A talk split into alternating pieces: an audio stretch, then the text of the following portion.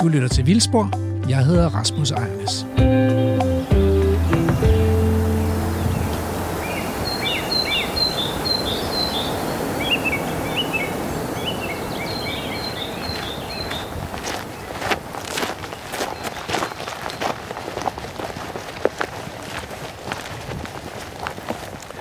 Velkommen til Vildspor.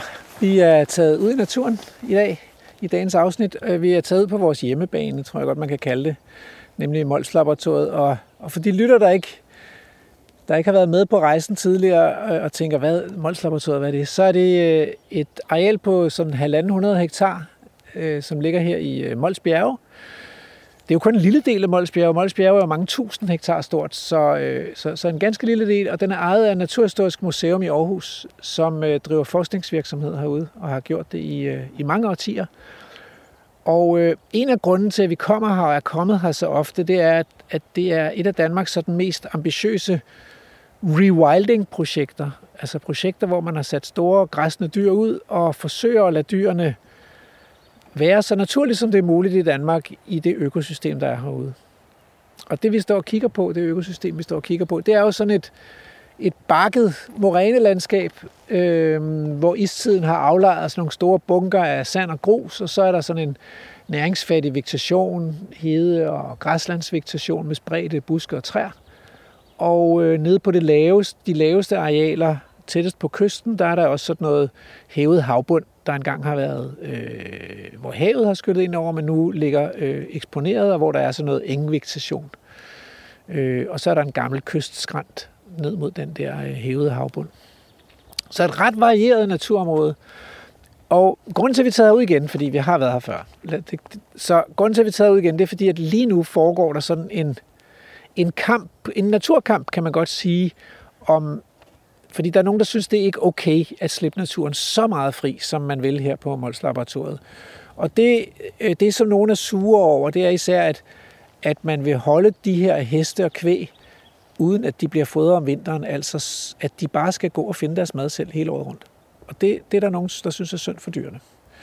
Øh, Og derfor er de begyndt øh, at ulovligt at fodre de her dyr. Så de kommer kørende i biler fra nær og fjern med, øh, med poser med hø, og så spreder de høet ud i arealet her, fordi de synes, at øh, dyrene sulter. Det skal vi snakke meget mere om øh, senere i programmet. Men, men det, man har gjort her, øh, og det skal jeg måske også lige fortælle, er, at i 2016, der slog man, der havde man indtil da egentlig praktiseret naturpleje. Det vil sige, at man, at man har haft en række små indhegninger, og så har man haft noget, noget, noget kvæg, og nogle gange også noget får, og så har man så flyttet de dyr rundt mellem indhegningerne, for at de skulle lave naturpleje. Og i 2016 besluttede man sig så at slå alle de små indhegninger sammen til en stor indhegning, og så sætte øh, Galloway-kvæg og Exmoor-ponyer ud i området med, med, med den plan, at de egentlig bare skulle passe sig selv så vildt som muligt. Og det har de så gjort siden 2016.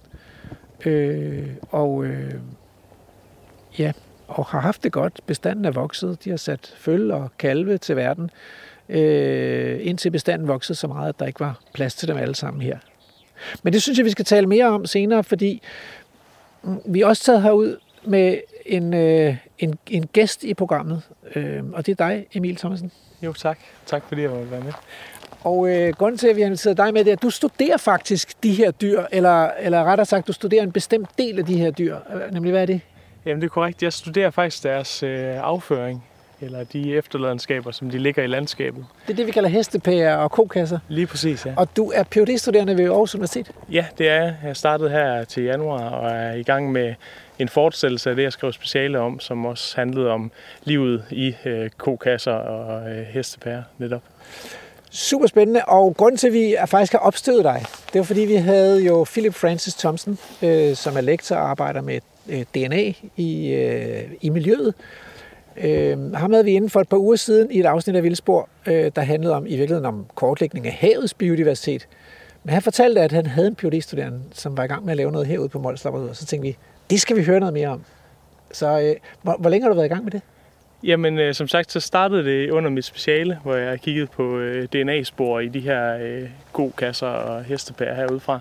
Og, øh, og så er det egentlig det, vi har fortsat. Så, så jeg er sådan godt et år inde i, i det her område. Og du er blevet meget fortrolig med hestepærer og kokasser, kan man sige? Det er, jeg har gået og rodet lidt rundt i dem. Og, øh, men det, det fede ved, ved DNA-baserede metoder, det er jo, at vi behøver ikke at rode helt lige så meget, som man ellers ville gøre. Så, øh, så vi kan jo nøjes med at tage små, øh, små dele af kokassen ud i en, en prøve, og så øh, simpelthen udvinde DNA fra det. Altså har du prøvet også at finde de rigtige dyr? Altså de, de, har du haft sådan en fortid også, at du har faktisk... Øh, hvordan gør man det? Hvordan finder man dyrene i en kokasse? Eller en jamen, jamen, der er flere metoder, men øh, ofte så tager man faktisk og skyller alt materialet væk, så samler man kokassen ind, og så tager man den op i en, øh, en, hvad hedder det, en bakke eller lignende, og så skyller alt materialet fra, og så kan man så se, hvilke dyr, der ligger tilbage øh, gennem sådan et SIS-system. Ah. Øh, det er ikke noget, jeg har gjort rigtig meget i. Jeg er, jeg er mere baseret, baseret på det DNA-baserede øh, område, kan man sige. Men, øh, altså, kan du ikke lige forklare øh, for lytterne, hvad er det, der sker, når sådan en, en øh, ko eller en hest lægger en kasse? Altså, Ja, jamen altså, den, øh, den ligger en, øh, en, en hestepære på, på jorden, ja. og så, så sker der det, at lige så snart den er lagt, så begynder den at tiltrække en masse liv. Og det er fordi, der er en masse af de øh, ofte mindre arter, øh, der, der findes ude i sådan et landskab her, som, øh, som lever af de ressourcer, som sådan en hestepær den tilbyder. Så, så, arter som for eksempel? Jamen det er ofte at det, øh, hvad hedder det vivløse dyr. Ja. Så det er for eksempel insekter, øh, det kan være fluer, der kommer til hestepæren rigtig hurtigt. Ja. Ofte så ser man faktisk fluer øh, på de her, de her hestepærer kokasser nærmest før de har, har, har lagt sig på jorden, efter de er, de er blevet sluppet. Så det går ekstremt hurtigt. Ja. Og, og så efterfølgende, så er der, så er der biller, der kommer til. De finder de her, de her afføringskager, fordi de er en vigtig ressource for mange bille øh, arter. Men hvad gør de så? Altså de der fluer, de der biller, øh, de, de sidder der øh, på lorten, og det kan man se, men, men, men hvad skal de der? Altså, spiser de lorten, eller og, hvad, hvad gør de? Jamen, det er faktisk forskelligt. Øh, der findes øh, flere forskellige grupper, så nogle biller lever for eksempel af at spise lorten direkte. Ja. andre de lever af at lægge deres æg i, i kokasserne, hvor efter deres larver så lever af, af lorten. Ah.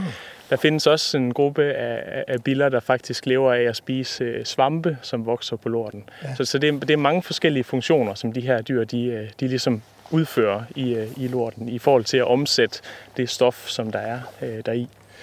Er der ikke også et eller andet med, at der, jeg synes, der er en eller anden, øh, der blev bryg, brygget en øl, som fik navnet humlerøv. Og det, det var sådan en omskrivning af den art, der hedder humlerovbille som er lidt en, en, en sjælden art i Danmark, men som man kan, godt kan se herude. Er det ikke rigtigt? Jo, det er nemlig korrekt. Og det er nemlig den, en anden gruppe, der også er tilknyttet. Fordi en ting er de uh, biller og andre insekter, der for eksempel lever direkte af lorten. Men der findes også en masse, der så kommer, fordi de her biller er der. Så det er for eksempel rovbillerne, humlerovbillen, et godt eksempel, ja. som, uh, som kan komme til sådan en lort her for at gå på jagt simpelthen efter nogle af de andre organismer, der er der i. Men, men hvad håber du så at kunne finde ud af med dit PhD? Jamen, e-, egentlig så, så kigger vi på nogle af de her øh, biodiversitetseffekter af netop rewilding, som du nævnte tidligere. Ja. Øh, så, så det vi egentlig er interesseret i, det er, at vi gerne vil se, jamen, når man har store dyr til at gå øh, frit i sådan et område her, øh, hvilke effekter har det så på den biodiversitet, altså det, den artspulje, ligesom man kan finde i området. Ja. Øh, så, så ved hjælp af de her DNA-baserede metoder, så kan vi så øh, sige noget om, hvor stor en artsrigdom der er i de her forskellige øh, lorte. Altså artsrigdom er fluer og fluer og biller? Fluer og biller især, men, men også andet. Altså, øh, vi finder for eksempel også rigtig mange DNA-sekvenser fra øh, rundorme, okay. og det repræsenterer blandt andet de parasitter, for eksempel, der lever inde i, øh, inde i køerne og hestene. Det kan også være parasitter, der lever øh, i øh, eller på øh, billerne, der lever i lorten. Altså hvad med de planter, som dyrene har spist? Nu ligger sådan noget gammel, gammel hestepære her, ikke? Og, og man kan sige, at der er faktisk de der små brune pletter, det er jo øh, svampe, ja. der vokser på lorten her. Men, men, men den er jo tør, og jeg kan jo godt se, at, der har, at det har været planter engang, det her.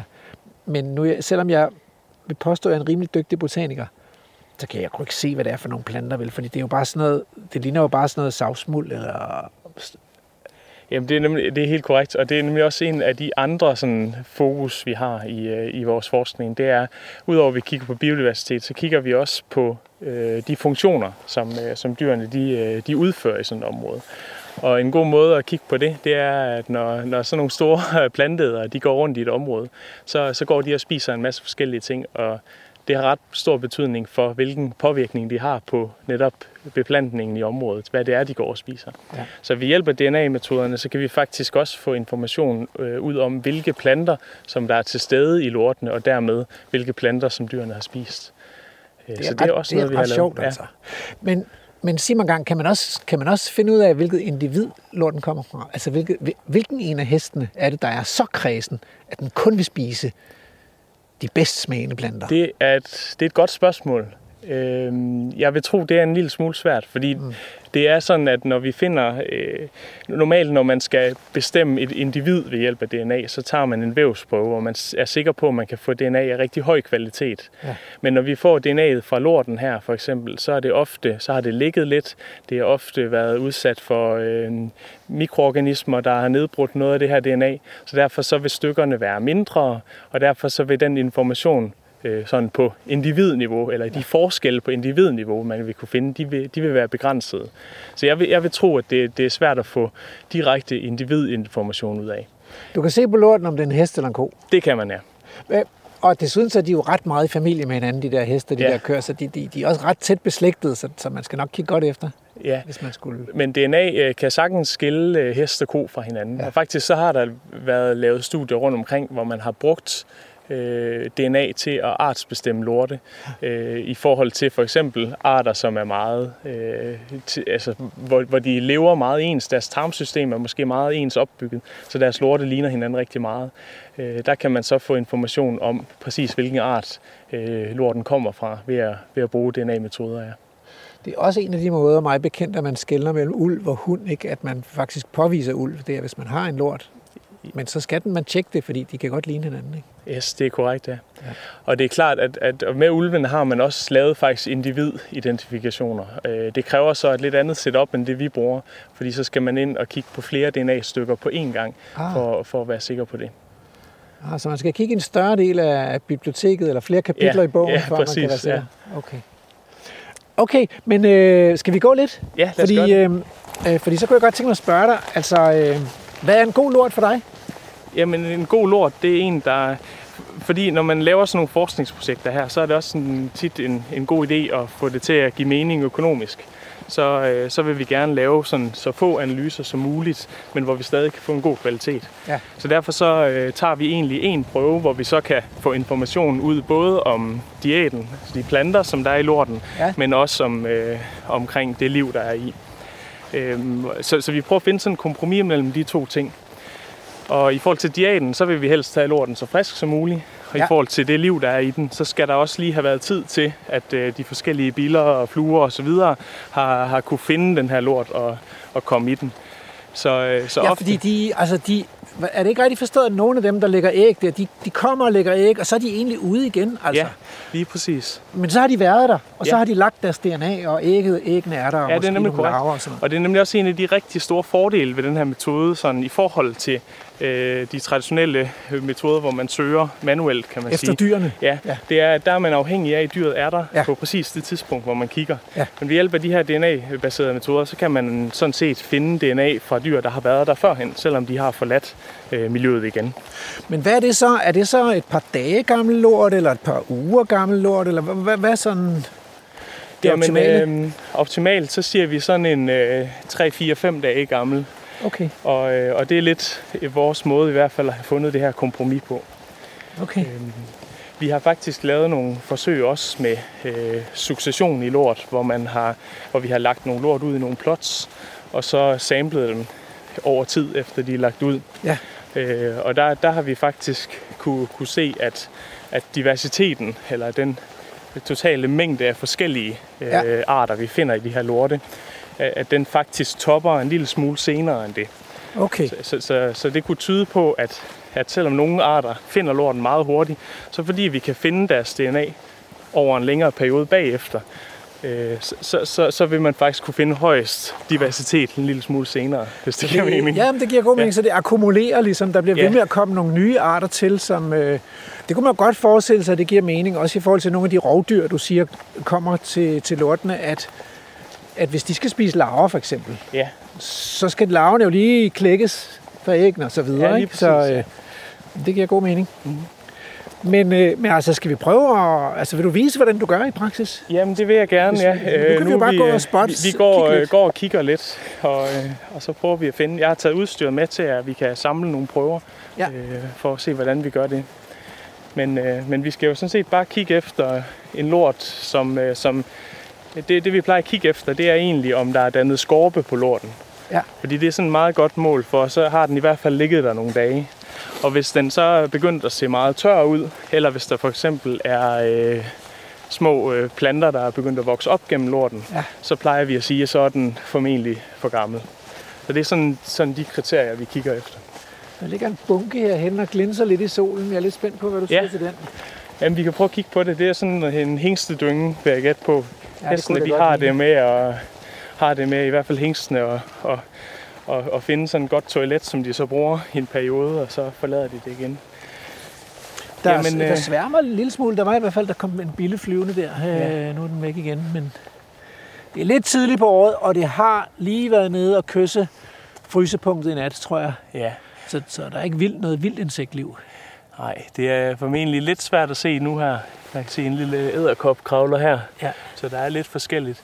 Øh, her har vi en lidt en blanding, vil jeg gætte på. Jeg tror, vi har noget af det øverste her, der godt kunne være sådan et par dage gammel måske. Ja, den hænger stadigvæk sammen, ja, ikke? ja, det gør den nemlig.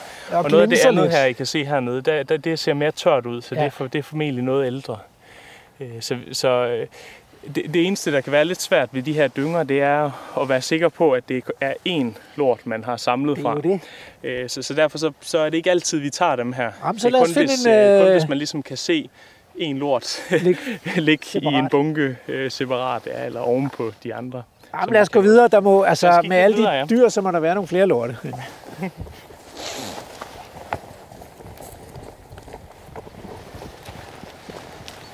Men det er jo tydeligt at se, når man går rundt i sådan et landskab her, hvor meget de faktisk tilføjer.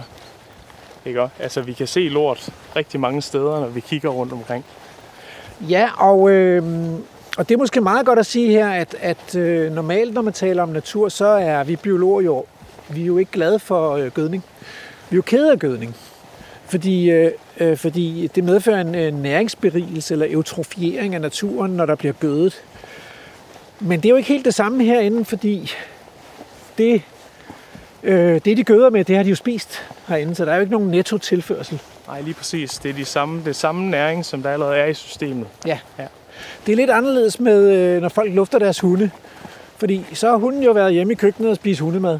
Ja. Og så tager de den med ud i en snor. Og, øh, og hvis de lufter deres hunde ud i et naturområde, så sker der faktisk det, at og det der forskere, der har mål på, det kan lyde lidt åndssvagt, men man kan faktisk måle en meget markant øh, næringsbelastning mm. lige omkring den parkeringsplads, hvor folk de holder ind for at Ja. så gå rundt og lufte deres hund. Det er faktisk lidt interessant, du siger det, fordi at noget af det, som jeg stussede lidt over i et af de datasæt, øh, som jeg har haft, det var, at, øh, at vi faktisk fandt øh, nogle parasitiske orme, som, er, som, som ellers kun er fundet i, i, øh, i hunden. Øh, så, så det kan tyde på, at der måske har været en, en hund forbi en af de Ah. her øh, kokasser eller hestepærer, som jeg har indsamlet. Ja. Og det siger jo ikke noget om næringstilførsel, men, men det siger jo måske, at der godt kan have gået en med en hund på et tidspunkt. Det er Ja. ikke til at vide. Er det også en dynge, det her? Jo, det er mere end én lort, der ligger her. Det er mere end en, den er lidt mindre. Ja, Men det er også mere frisk, som I kan se. ja det er det. Så, så det øverste her, det er ikke, øh, det er ikke mange timer siden, vil jeg gætte på. Det er Der er også mere, stadig en, en glinsende overflade. Mere liv af små, små fluer og sådan noget, der, der sidder oven på lorten her. Ja, lige præcis. Så den er faktisk lidt for frisk. Ja, den er Ja. en lille smule for Ja, frisk. ja. Men vi går videre på vores lorteekspedition her. Men øh, det er måske også værd at sige, at der, der er jo et problem omkring behandling af parasitter. Og Ja. så den gødningsfauna, altså de øh, møgbiler, der lever i lorten. Øh, Ja. Vil du ikke lige fortælle, hvad det, hvad det er, der er problemet her? Jo, altså øhm, mange af de øh, gødningsbiller, der lever i lort, de, øh, de øh, finder faktisk lorten ved hjælp af duftspor for eksempel. Ja. Og, og, og nogle af de her øh, ormebehandlinger og så videre, man bruger, de kan forstyrre nogle af de her signaler, Aha, øh, så vidt det er bekendt i ja, hvert fald. ja. Øh, Så, så, så, så det har man i hvert fald nogle, nogle teorier om, at det kan have en, øh, have en vis betydning. Og, øh, og det er også noget, som vi har planer om at kigge nærmere på. Interessant. Øh, hvor vi ja, vil prøve at se på forskellige områder, øh, hvor de bruger forskellige strategier i forhold til øh, både hvordan de øh, ligesom behandler dyrene i dagligdagen, om de giver tilskudsfoder hen over vinteren eller ej, og om de øh, ormebehandler. Så, Ja. så forhåbentlig kan det give nogle, øh, ja, give nogle, nogle data på, hvordan de her forskellige strategier rent faktisk øh, kan påvirke den, øh, den, Fauna. det dyrende liv, der, som lever i lorten. Spændende. Altså, jeg, og jeg mener også at have hørt, ikke, at, at nogle af de der stoffer, ormemidler, at det er jo sådan noget, man også giver sig selv, hvis man får børneorm derhjemme i familien. Men altså ivermectin for eksempel, at det kan udskilles i lorten, så den faktisk bliver giftig, fordi det og kan slå, øh, kan slå den vilde billefauna ihjel også, øh, fordi der er giftrester Ja. i, øh, i lortene. Øh, så, så det er ikke så nemt at, øh, det er ikke så nemt at, og hvad kan man sige, at have høj dyrevelfærd og, og, og forsøge at eliminere de skadelige dyr, fordi man kommer også til at eliminere de gavnlige dyr ved samme lejlighed. Så så har man lidt balladen i forhold til, om det er, om det er vild natur, eller om det er landbrugsnatur. Fordi som landmand vil man selvfølgelig gerne have, at ens, ens dyr de er parasitfri. Men parasitterne er jo også en del af biodiversiteten. Ja, lige præcis. Og, øh, og det er jo også det, vi øh, kigger på, når vi kigger. Så kigger vi rent på, på biodiversitet. Så vi siger sådan set ikke øh, noget om på nuværende tidspunkt i hvert fald. Og nu tror jeg måske, vi har en... Der er en kandidat der. Der var en kandidatlort her. Jamen det er godt. Øh, ja, den her tror jeg er, er rigtig god. Det vi kan se på den, det er, at der er lidt mere overflade, men den er heller ikke helt tørret ud, som nogle af de andre, vi har set. Og nu spørger jeg bare dumt, er vi, står vi over for en kokasse her, eller er det stadigvæk en hestepære? Det er en kokasse. Godt, ja, tak. Ja. så, øh, så jeg synes, vi skal prøve, øh, prøve at tage den her. Det er, en, en, altså, det er en ret flot lort. Skal vi tage et billede af den, øh, som vi kan lægge op på side, hjemmesiden? Jeg synes, den er flot.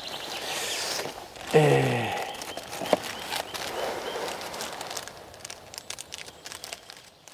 Du lytter til Radio 4. Og med herude i felten, øh, hvor vi tager prøver af lort, øh, der har vi jo også øh, vores øh, to lydfolk her. Producer Emma Holtet og øh, Peter Løde. Ja.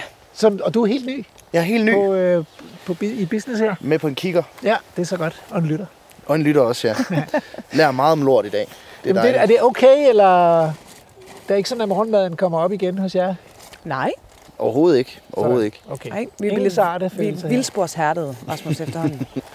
Okay, men nu, yes. Yes. nu har du taget øh, mundbeskyttelse på. Det har jeg, og det har jeg en helt særlig grund, fordi at når vi skal finde det her DNA, så er vi også interesseret i at finde DNA fra nogle af de sjældne arter, som måske kun lige har strejfet øh, en enkelt øh, del af kokassen. Og, øh, og for, at vi, for at vi kan finde dem, ligesom, så, så er det vigtigt, at, øh, at der ikke er for meget forurenings-DNA, kan man sige. Altså DNA, som vi ikke er interesseret i, øh, i kokassen. Så derfor så tager jeg mundbind på for at undgå, at øh, jeg Du for eksempel det. forurener kokassen, mens jeg indsamler. Ah, så der, ja. den ikke får corona her, mens du samler ind? Ja, eksempel? eller måske havregryn, som jeg har spist Ah. til morgenmad, og så tror vi, at øh, koen her, den har gået og knasket havre nede på engen hernede. Ja. Så, øh, så, så det er sådan nogle ting, vi prøver at undgå. Smart. Ja. Ja. Tranebær kunne man også have spist i sin mysli, ikke? Præcis. Så er man på den. Der er, mange, øh, der er mange ting, der kan forstyrre der. Og det, det vi normalt gør, det er, at vi Og har... du har handsker på også, så det er virkelig... Øh, jeg, jeg bliver sådan helt andægtig, og Ja. ja. jeg tænker, jeg må hellere træde væk fra kokassen, men nu Ja. er det jo bare... Vi, vi, Nu er det bare en test, så Det det, går, test. så det går nok, Ja. ja. ja. Normalt set, hvis vi havde, så, vi, så er vi ret opmærksomme på at undgå den her forurening, fordi Ja. ja. det kan, faktisk kan gå ind og forstyrre ret meget i, i de data, vi kan få ud. Ja. Så, men normalt set, så, så plejer vi lige at lægge røret hernede på. det er et lille prøverør. Det er et lille prøverør, 15 ml kan der være i, Ja. og vi skal bruge cirka 5. Øh, og det vi gør, det er, at vi simpelthen tager en lille delprøve på omkring en milliliter fra fem steder, sådan lige, lige lidt spredt ud i kanten af kokassen, fire steder, og så et sted lige inde i midten. Okay. Og grunden til, at vi gør det, det er for at prøve at repræsentere den her kokasse så, så godt som muligt. Fordi at øh, man har fundet ud af, at DNA det, det er ret lokalt. Altså lige der, hvor det er afsat, det er der, man finder det. Det bevæger sig ikke rundt i, øh, i, i, i sådan en kokasse her. Man kunne også tage den op, og så lige have en food processor med ud, og så lige blende den en tur, og så udtage en prøve.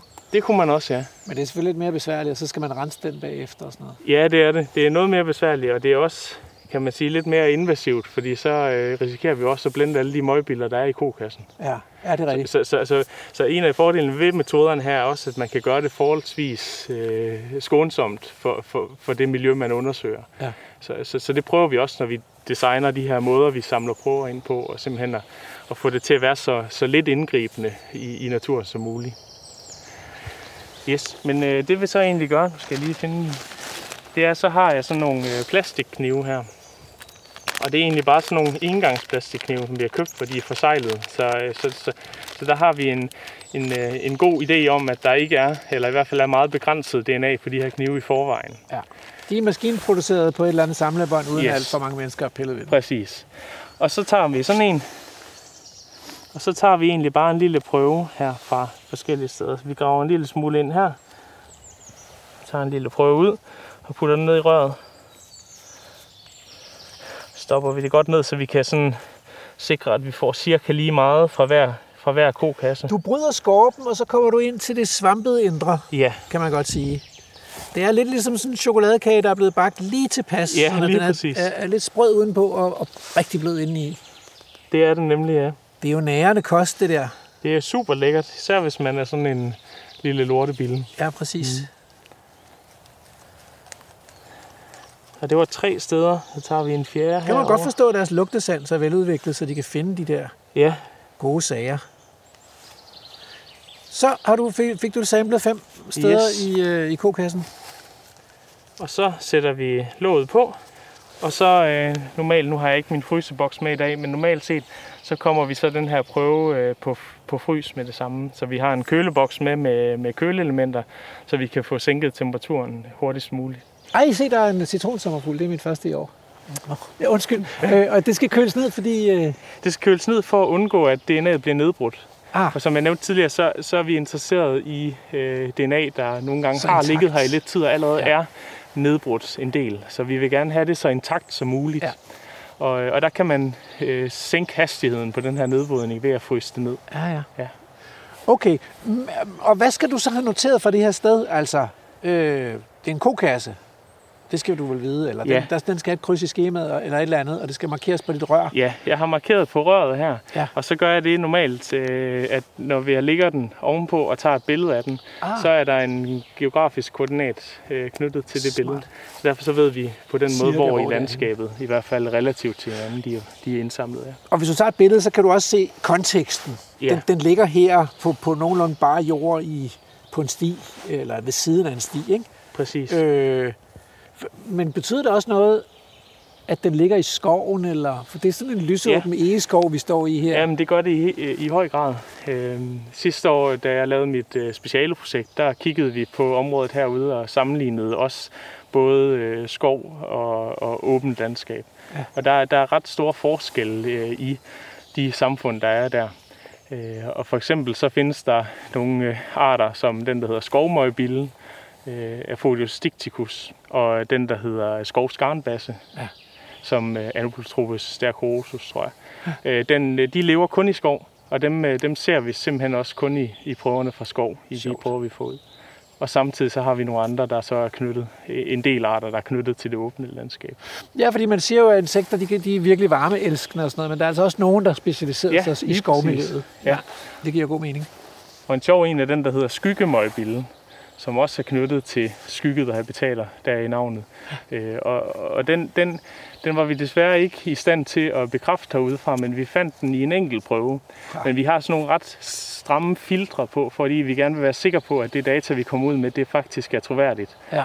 Øh, så derfor så, når vi kører vores øh, laboratorieanalyser, så øh, det er, når vi kører de her PCR-reaktioner, så kører vi fire replikater. Og hvis en øh, art kun kommer i det ene replikat, så sorterer vi den fra. Fordi så kan det skyldes, at der bliver genereret nogle fejl i sekvenserne under de her PCR-reaktioner. Så der er mistanke om, at der er en Så der- sjælden bille herude. Ja, og faktisk så, så har de vist, jeg har hørt herudefra, at de har også øh, fundet, Fundet den den, den herude. levende. så, så, så der er en, ja, så, så der er en, en indikation på, at det måske kunne være rigtigt, men vi kunne altså ikke bekræfte det helt, desværre. Kanon. Jamen altså, alle tiders. Tak for lige at demonstrere det. Øhm, og, og kan de så, øh, hvad gør du så, når du kommer hjem med dem? Jamen, når jeg kommer hjem, så kommer de i fryseren. Ja. Så, så vi vil gerne have dem øh, på dybfrost så hurtigt som muligt, fordi det bremser nedbrydning af DNA, som sagt. Indtil Og de så, så- skal ekstraheres. Lige præcis. Og, øh, og det, det kommer så lidt an på øh, tidslinjen i projekterne og så videre, og hvordan det lige hele kører. Men, øh, men så er det næste skridt, det er, at DNA'et bliver ekstraheret. Øh, ja. Og så, øh, så bliver der kørt PCR-reaktioner på det, hvor man opformerer DNA fra de øh, grupper, som man er interesseret i. Og så, øh, så bliver det sendt til sekventering, og, og så får vi en masse data tilbage, som vi kan begynde at kigge på og, og behandle. Så lige nu er du bare i gang med at fylde lort i fryser, faktisk. Præcis, ja. Lige præcis. Vi er taget i skoven i dag i Vildsborg, eller faktisk øh, ud i Mols Bjerge på Mols Laboratoriet, vores øh, hjemmebane, øh, sammen med Emil Thomasen, som er phd studerende ved Aarhus Universitet, og han forsker i lort. Øh, den der lort, som de, øh, de store græsne dyr har afleveret herude i naturområdet. Og her på Mols Laboratoriet, der er det jo køer og heste, som er rewildet og lever et vildt liv uden fodring. Øh, og der er super mange spændende ting i deres lort, og det taler vi om i dag. Øh, vi er også i gang med et afsnit af Vildspor, hvor vi undersøger, hvad er det for en naturkamp, der er i gang om denne her rewilding. Fordi der er jo nogle mennesker, der ikke synes, at de her dyr får nok at æde herude. Øhm, og det er ikke fordi de er bange for, at der ikke skal komme lort nok ud af dyrene, men det er fordi, de er bange for, at dyrene skal tabe sig om vinteren. Så de er begyndt at fodre dyrene ulovligt herinde. Øh, De kommer kørende langvejs fra med, med poser med hø. Øh, Og det skal vi snakke meget mere om i anden time, hvad man stiller op med det, altså, og, og, og hvorfor de gør det. Øh, Men her i første time, der lærer vi simpelthen noget om dyrenes øh, effekter på økosystemet, og hvad man kan finde i deres lort. Og det, som Emil gør, og det har vi jo lige hørt om, det er, at han undersøger, han tager små prøver af lorten, og, eller det, som, øh, og så tager han den hjem i laboratoriet, og så ekstraherer han det fra DNA, og så afslører DNA'et, hvem der har været på besøg i den lort her. Men også, hvad dyrene har spist. Ja, lige præcis. Og det har vi også kigget på herude i området netop øh, faktisk. Og det vi har været særlig interesseret i, det er sæsonvariationen i, hvad de spiser. Fordi at øh, når man kigger ud i landskabet nu her, så, så er der sådan forholdsvis brunt, lidt ja. grønt rundt omkring. Men vi er også sådan lige i det tidlige forår. Når det er sommer, så er der meget mere grønt, mange flere urter, mange flere græsser, der vokser op. Meget og mere derfor vælge så vil, vil der også være mere vælge imellem. Ja. Så det er jo noget af det, vi har været interesseret i også at finde ud af, jamen, hvad er det reelt set, som øh, de her dyr går og spiser. Fordi vi kan få direkte data gennem deres lort på, hvad de, hvad de rent faktisk har spist. Ja, fordi her, hvor vi står lige nu, og jeg kigger rundt her, så er der altså, som du siger, der er brunt, der ligger en masse døde blade fra sidste års vækst, fra de, og det er sådan en ege, egeskov, lys egeskov. Kommer en del lys ned, der står nogle spredte enebær. Jeg forestiller mig, det må godt nok stikke og tage sådan en i munden, og så står vi ved siden af et brumbærkrat. Det, Der, er vi der er jo faktisk, det er jo meget skægt, der er jo grønne blade på de der brumbær. Det er nemlig rigtigt, og det, det leder super godt op til de resultater, jeg faktisk har fået. Fordi noget af det, vi så, det var, at øh, hen over vinteren, især i det sene vinter og tidlige forår, der, øh, der er køerne, de, øh, de spiste næsten kun brumbær. Wow. Så øh, også, også nogle andre ting selvfølgelig, øh, hvad de fik med indimellem. Men, øh, men, men brumbær udgør gjorde en, en klart stor øh, og størst del af deres kost i den her periode. Det er spændende, også fordi jeg tror godt, man kan, det er jo ikke, altså, godt, man kan sige, at brumbær er sådan lidt en forhat art. Altså, der er mange, der tænker, den er jo utrolig irriterende at skulle gå igennem sådan en brumbærkrat. Og det er også sådan en, en art, der kan tage meget plads op i et økosystem. Og hvor man synes, at ah, der skulle være lidt mere plads til de små, de små urter, ikke? Men den, den har altså også den her så effekt, at den faktisk øh, sørger for, at der er noget at æde for dyrene om vinteren. Ja, lige præcis. Og det man så kunne forestille sig nu, vi har ikke kigget på, hvordan dyrene rent faktisk påvirker udbredelsen af brumbær. Det, det er vigtigt lige at sige. Altså, Ja. vi, vi, ved kun, vi kan kun sige, at de spiser det. Ja. Men, men, men, øh, men noget af det, man kunne tænke, det var, at nu netop fordi de spiser det, så, så kunne man forestille sig, at de måske gjorde, at brumbæren blev mindre udbredt herinde i skovbunden, end den ellers ville have været, hvis de ikke havde været her. Det er sådan nogle af de effekter, man, man, man kan tænke, øh, tænke sig til i hvert fald. Skal vi gå lidt? Øh, fordi vi er jo på vej ned ad bakken her, ned af, af den gamle øh, kystskrant. Og så kommer vi ned på engen om lidt. Yes. Øh, men, men der er faktisk, det er jo udover, at, at øh, nogle af de her øh, dyreforkæmpere, eller dyrebeskyttere, udover at de er bekymret for, at dyrene får for lidt at æde, så er de også bekymret for, om dyrene æder giftige planter. Ja. Kan I også se det? Altså, for eksempel er gyvel jo kendt for at være lidt giftig. Ja, altså vi har fundet øh, gyvel i prøverne, så, så de spiser det. Ja. Øhm, ikke i store mængder, som, som noget af det andet, men, øh, men, men vi har fundet det. Ja. Og det er særligt her, når man kommer hen i, i det, det tidlige forår, at vi, vi ser det. Øh, noget andet, vi også har fundet, det er øh, hvad hedder det, rosenslægten, øh, ru, hvad hedder det, rosa. Ja.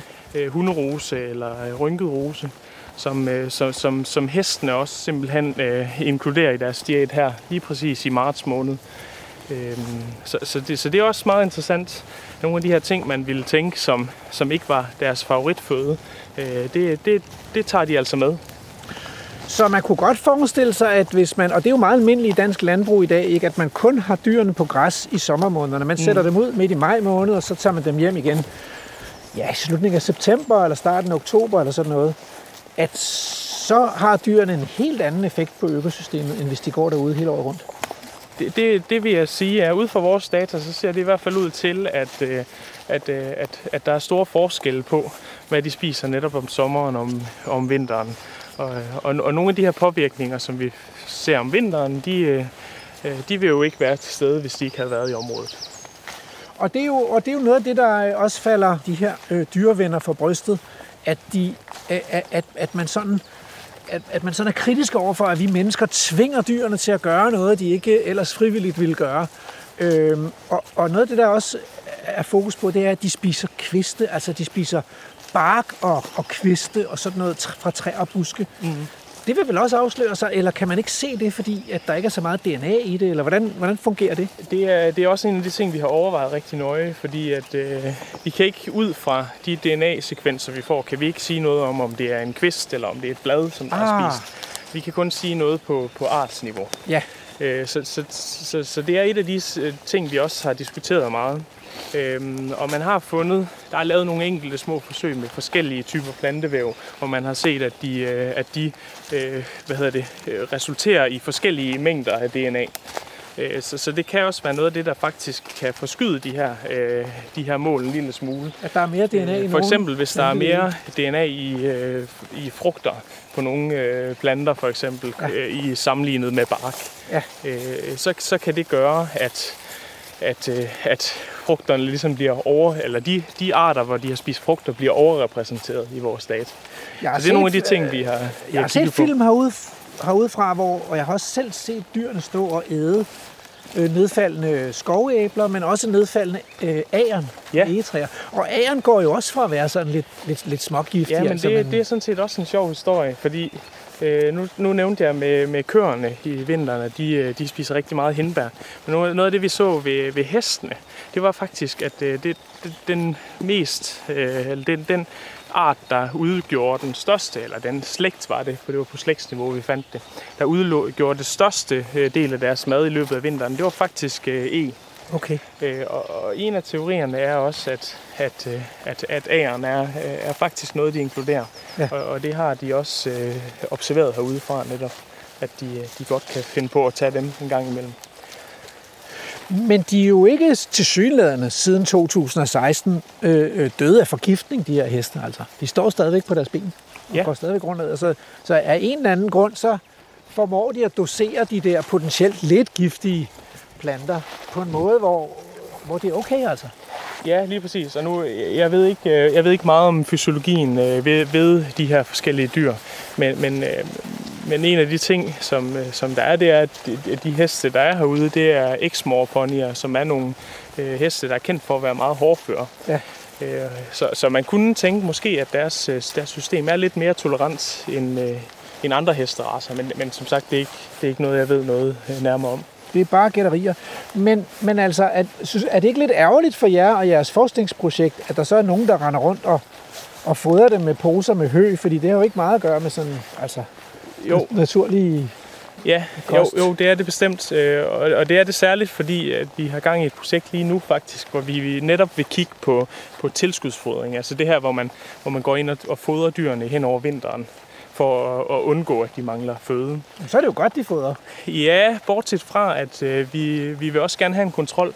Så vi vil Ah. gerne se på, jamen, hvad sker der i de områder, hvor man netop tilskudsfodrer, øh, i forhold til de områder, hvor man ikke gør. Og der er Mols-laboratoriet herude, bare et af de få steder i Danmark, hvor man har heste og køer, der går ude i samme område hele året, og hvor man ikke tilskudsfoder. Så, Så- det er en værdifuld reference Det er den øh, for forskning, som man risikerer at få ødelagt, hvis der pludselig er nogen, der render og fodrer dyrene. Ja, vi, vi, vi har jo ikke set noget data endnu, så, så vi ved ikke, hvad det har af betydning. Men, øh, men vi har, øh, har haft det rigtig meget op under overvejelse, hvordan vi håndterer det her. Fordi, øh, fordi det, det er muligt, at, at det, det, der er blevet fodret med, kommer til at, at, at, at optræde i vores datasæt og, og dermed forstyrre øh, de naturlige øh, fordelinger af planter, som de ville have spist.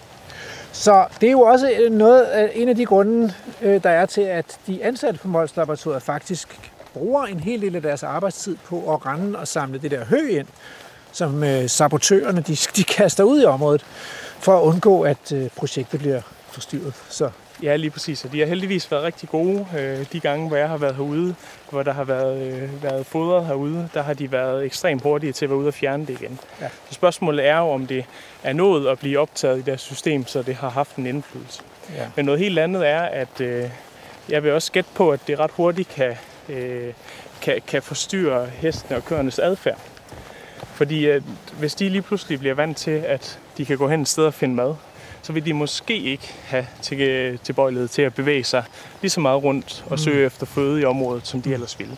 Men, øh, men igen, det er også bare en teori. Men nu må Jo, vi se, jo. hvad vores data siger. Ja. det, det er selvfølgelig en teori, men, men, men hvis man kører lidt rundt i det danske landskab om vinteren, og så ser der, hvor der står dyr ude, så står rigtig mange dyr ofte omkring et fodringstru, altså hvor der bliver kørt ensilage ud til dem, eller hø ud til dem, og så står de der hele dagen. Ja.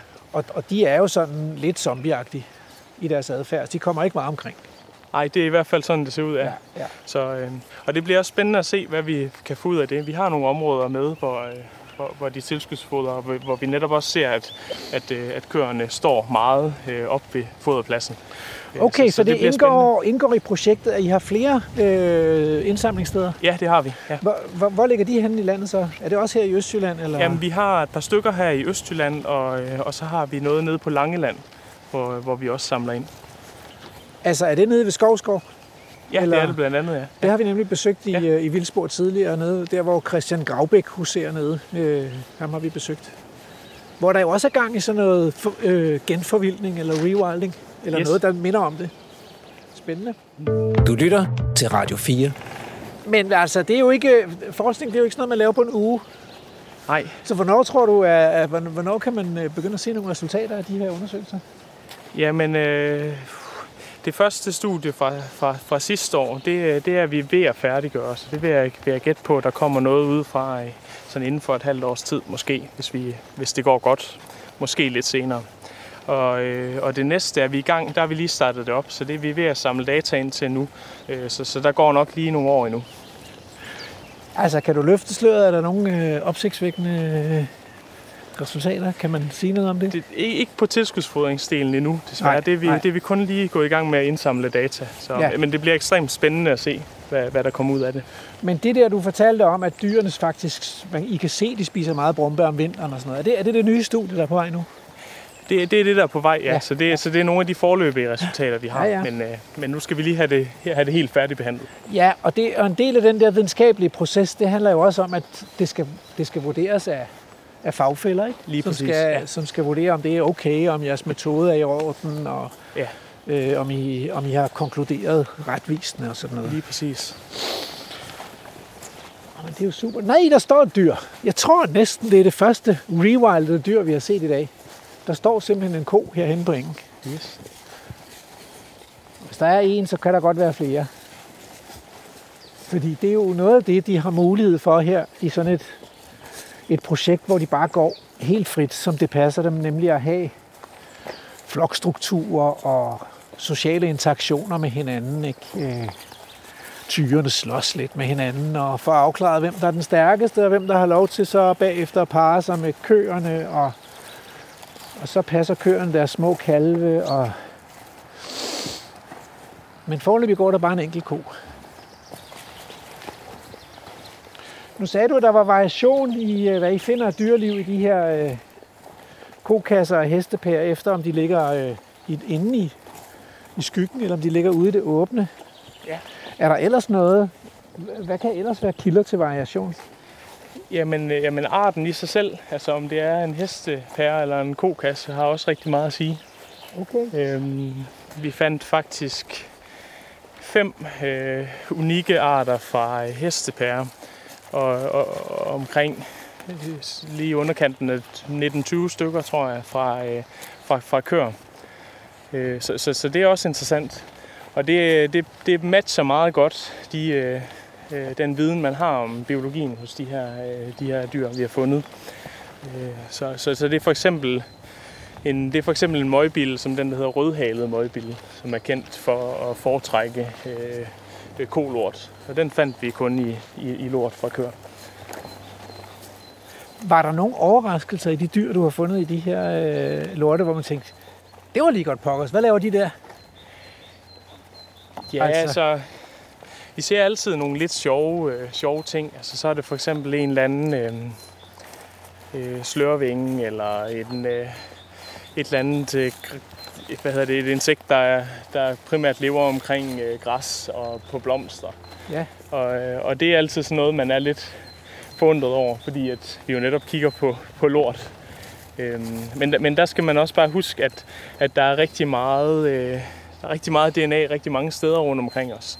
Og, øh, og hvis, en, øh, hvis, øh, hvis et eller andet insekt har fløjet forbi kokassen, ja. så, øh, så, har, så er der en ret stor sandsynlighed for, at det også har, har Afsat, afsat lidt DNA. Øh, og og ved, ved tilfældigheder, hvis vi så lige har samlet det sted, hvor det DNA er landet på kokassen, kan man sige, øh, så, så, så vil det så også optræde i vores prøver. De er jo også, de er jo, nogle af de her kokasser og hestepærer er jo sorte og glinsende. Ja. Man kan godt forestille sig, at det var et godt sted at solbade Lige på sådan en lidt kølig dag, ikke? Ja, så det eneste, vi ligesom kan sige, det er, at det DNA, vi finder, det, det, har, det er der. Men øh, med mindre det skyldes fejl i, i, i processerne øh, under laboratoriet osv. Men det vi ligesom kommer frem til, at vi finder der, det er der. Og spørgsmålet er så bare, hvordan det er kommet der. Ja. Så det kan, det kan både være, fordi de jo har kravlet rundt i det, men det kan også være øh, et insekt, der ikke nødvendigvis er, er tilknyttet lort, som har siddet der øh, ved et tilfælde. Hvad med fuglene? Fordi øh, nu, nu kom vi faktisk lige forbi, der var en stær, der fløj op, da vi gik hernede på engen, Ja. ikke? Øh, og så op i et træ, hvor det bor i, i et eller andet sted i et hul, et spætter er hakket. Men vi, vi ved jo, at stærerne er gået meget tilbage i Danmark, fordi Ja. de mangler store insekter til at, at fodre deres, deres unger med. Ja. Så stærerne kommer vel også til de kokasser her? Det, det, det vil jeg helt sikkert uh, tro. Ja, vi Kan har ikke kigget dem? på Vi har kigget på Vi det. har ikke kigget på, fordi den måde, man gør det på, det er, når man laver PCR-reaktionerne, så, så, så designer man nogle primer, der sætter de her PCR-reaktioner ah. i gang, som er målrettet bestemte grupper af, af bestemte taksonomiske grupper, kan man sige, af organismer. Så, så, så, så vi har kigget efter øh, invertebrater, altså vivelløse dyr. Ja. Men, men man kan sagtens også øh, kigge efter, øh, efter vivldyr, øh, og for eksempel fugle og, og, og små pattedyr. Og det min teori vil være, at man vil kunne finde rigtig meget også øh, af dem i Der er simpelthen nogen, der kommer og, og søger deres føde Ja. i, i alle det her guf, der er inde i Ja, helt sikkert. Vi ser og også og- øh, øh, rævelorte og morlort og sådan noget, der ligger på øh, dyngerne indimellem. Øh, Så, så jeg vil gætte på, at vi også kan finde, øh, ville kunne finde noget fra dem, hvis vi, hvis vi kiggede efter De går heller ikke af vejen for sådan en skarnbasse-snack Nej. der. Nej. Dejligt. Ja. Hvor, hvor, hvor længe kan man studere lort? Er det noget, du tænker, det kan man lave en hel øh, forskningskarriere på? Eller, Jamen, det er jo lige det. Altså, det, det, der interesserer mig særligt, det er, det, er, det er de her metoder. Altså, hvordan man rent faktisk kan få ekstremt meget information omkring naturen Ja. ved at tage DNA fra forskellige miljøprøver. Og der er lort bare et substrat, kan man sige. Ja. Så, så, så, så vi arbejder rigtig meget med i gruppen, som, øh, som Philip leder, øh, og, og, og netop også udvide den her pulje af forskellige substrater, som man kan finde DNA i. Mit håb det er, at det på en eller anden måde kan bruges i øh, den måde, vi overvåger naturen på i fremtiden. Så det kan give os nogle mere, altså nogle, nogle mere data omkring, hvordan naturen udvikler sig. Emil Thomasen, tusind tak for at tage os med rundt her på Mols Laboratoriet og vise os, hvordan man samler lort ind, hvis man skal gøre det professionelt. Tusind tak, fordi jeg var med. Og held og lykke med dine studier. Jo, tak. Og øh, det er ved at være tid til, at vi skal slutte af fra en, den smukkeste martsdag i øh, mands minde her på Mols Laboratoriet. Vi så kun et enkelt dyr, og det er jo noget af det, der er det fascinerende ved, at de har øh, 120 hektar bolder sig på, at man kan ikke være sikker på at se dem, selvom man går en lang tur herude. Der er sådan lidt, lidt safari over det, og lidt ekspedition over det hver gang. Øh, men de er her. Man kan høre dem. nu står den og kalder på nogle andre, og så bliver der måske ballade. Men øh, I skal selvfølgelig hænge på til anden time, hvor vi prøver at øh, gennem interviews og blive lidt klogere på, hvad er det her for noget med at sabotere projekterne med at gå og, og smide hø ind til de her dyr, som jo ellers har det glimrende. Og øh, vi må se, om vi kan finde nogle mennesker, der kan gøre os klogere på, hvad det er for en naturpolitisk kamp, der er i gang. Men nu er det tid til nyheder. Du lytter til Vildspor. Jeg hedder Rasmus Ejernes. Velkommen til anden time af denne Vildspor, som handler om øh, dyrene ude på Mols og hvad de går og spiser, og om de får nok at spise. Zombiekør er den lidet flatterende betegnelse for kør, som hænger ud hele dagen i mudderet omkring en foderplads, hvor der regelmæssigt køres ensilage eller hø ud til dyrene øh, vinteren igennem. De har ingen motivation til selv at gøre noget, så de står bare der og hænger som zombier, fordi vinterens plantevækst den har ringere foderindhold end fodret fra sidste sommer. Så når man bliver fodret der ved foderautomaten, så er der ikke nogen grund til at røre sig.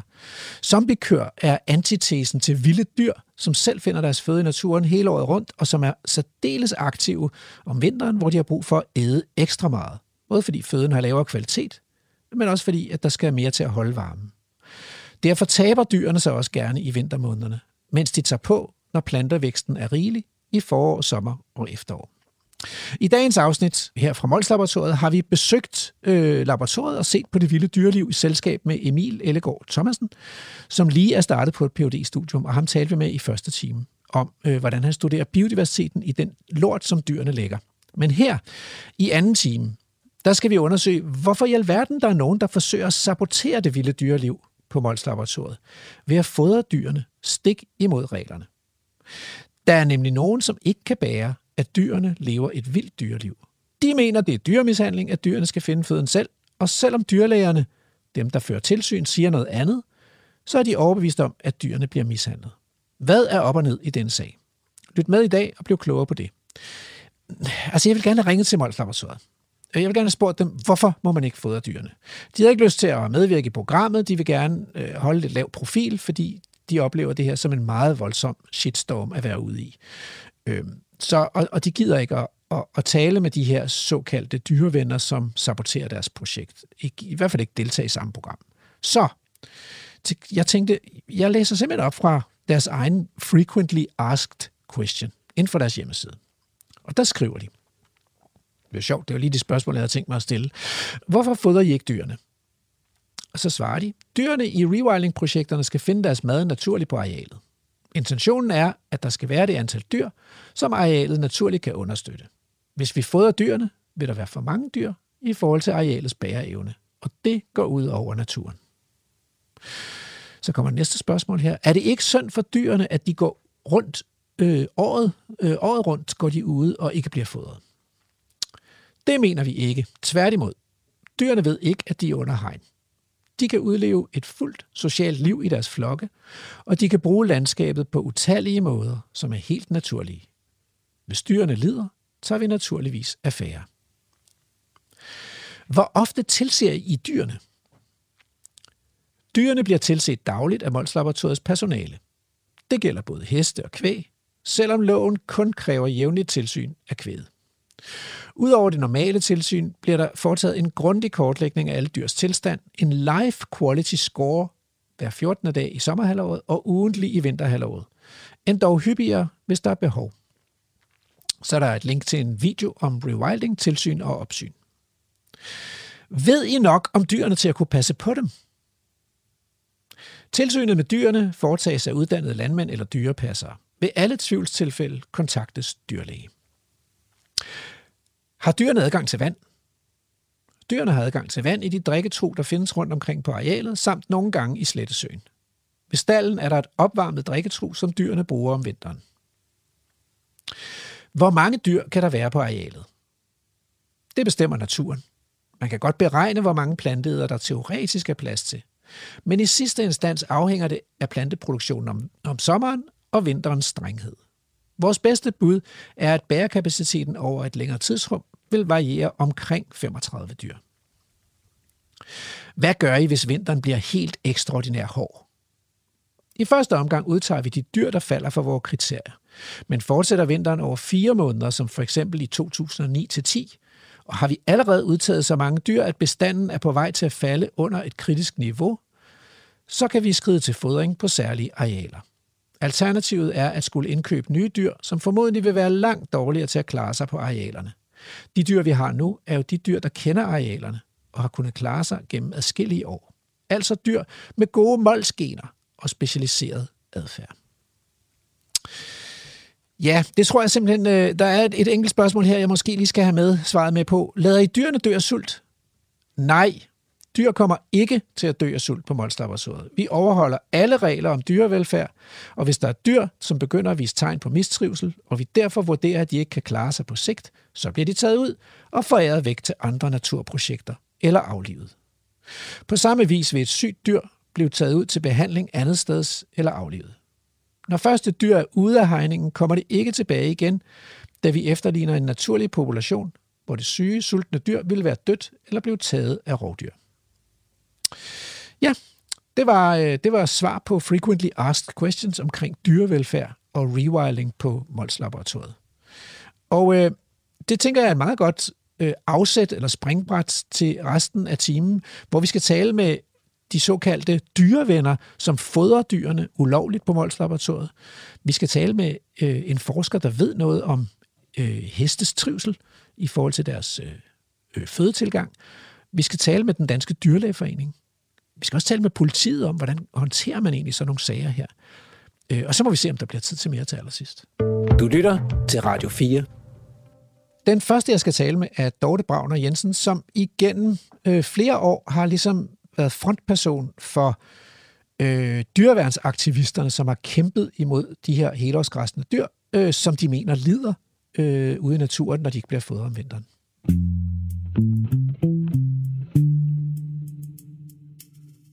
Jamen, så har jeg fået hul igennem på telefonen til Dorte Bravner Jensen. Velkommen til Vildsborg.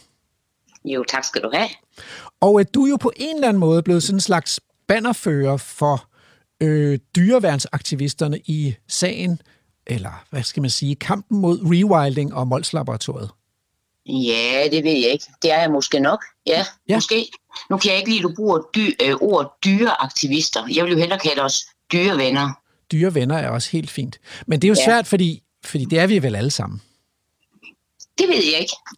Altså, jeg, Jeg synes, tænker det- også jeg på mig synes- selv som en stor dyreven. Jeg synes, det er meget svært at få øje på hos visse rewilding- rewilding-tilhængere.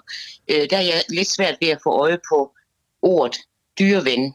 Okay, det skal Jeg ikke synes, skille os det, ad. det, det, Nej, det, det, øh, det klinger lidt hult i Det- min verden. Det skal ikke skille os ad, men det Ej. jeg gerne vil spørge dig om i dag, det er, øh, hvorfor synes I, at dyrene ude på Mols Laboratoriet skal fodres?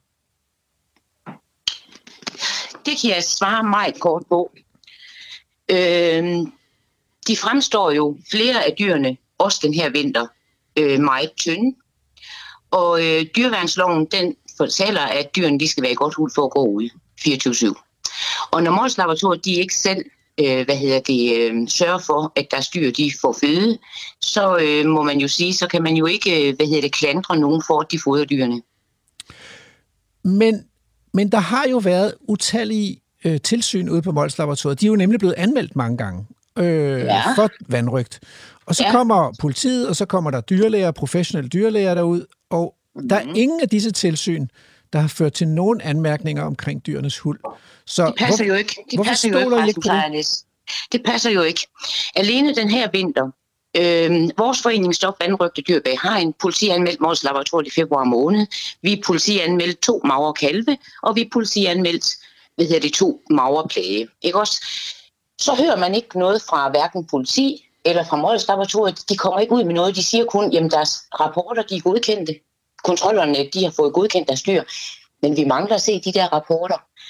Øh, nu har vi jo så fundet ud af, at der er blevet taget en hest ud ned fra Mols Laboratoriet her inden for den seneste måned.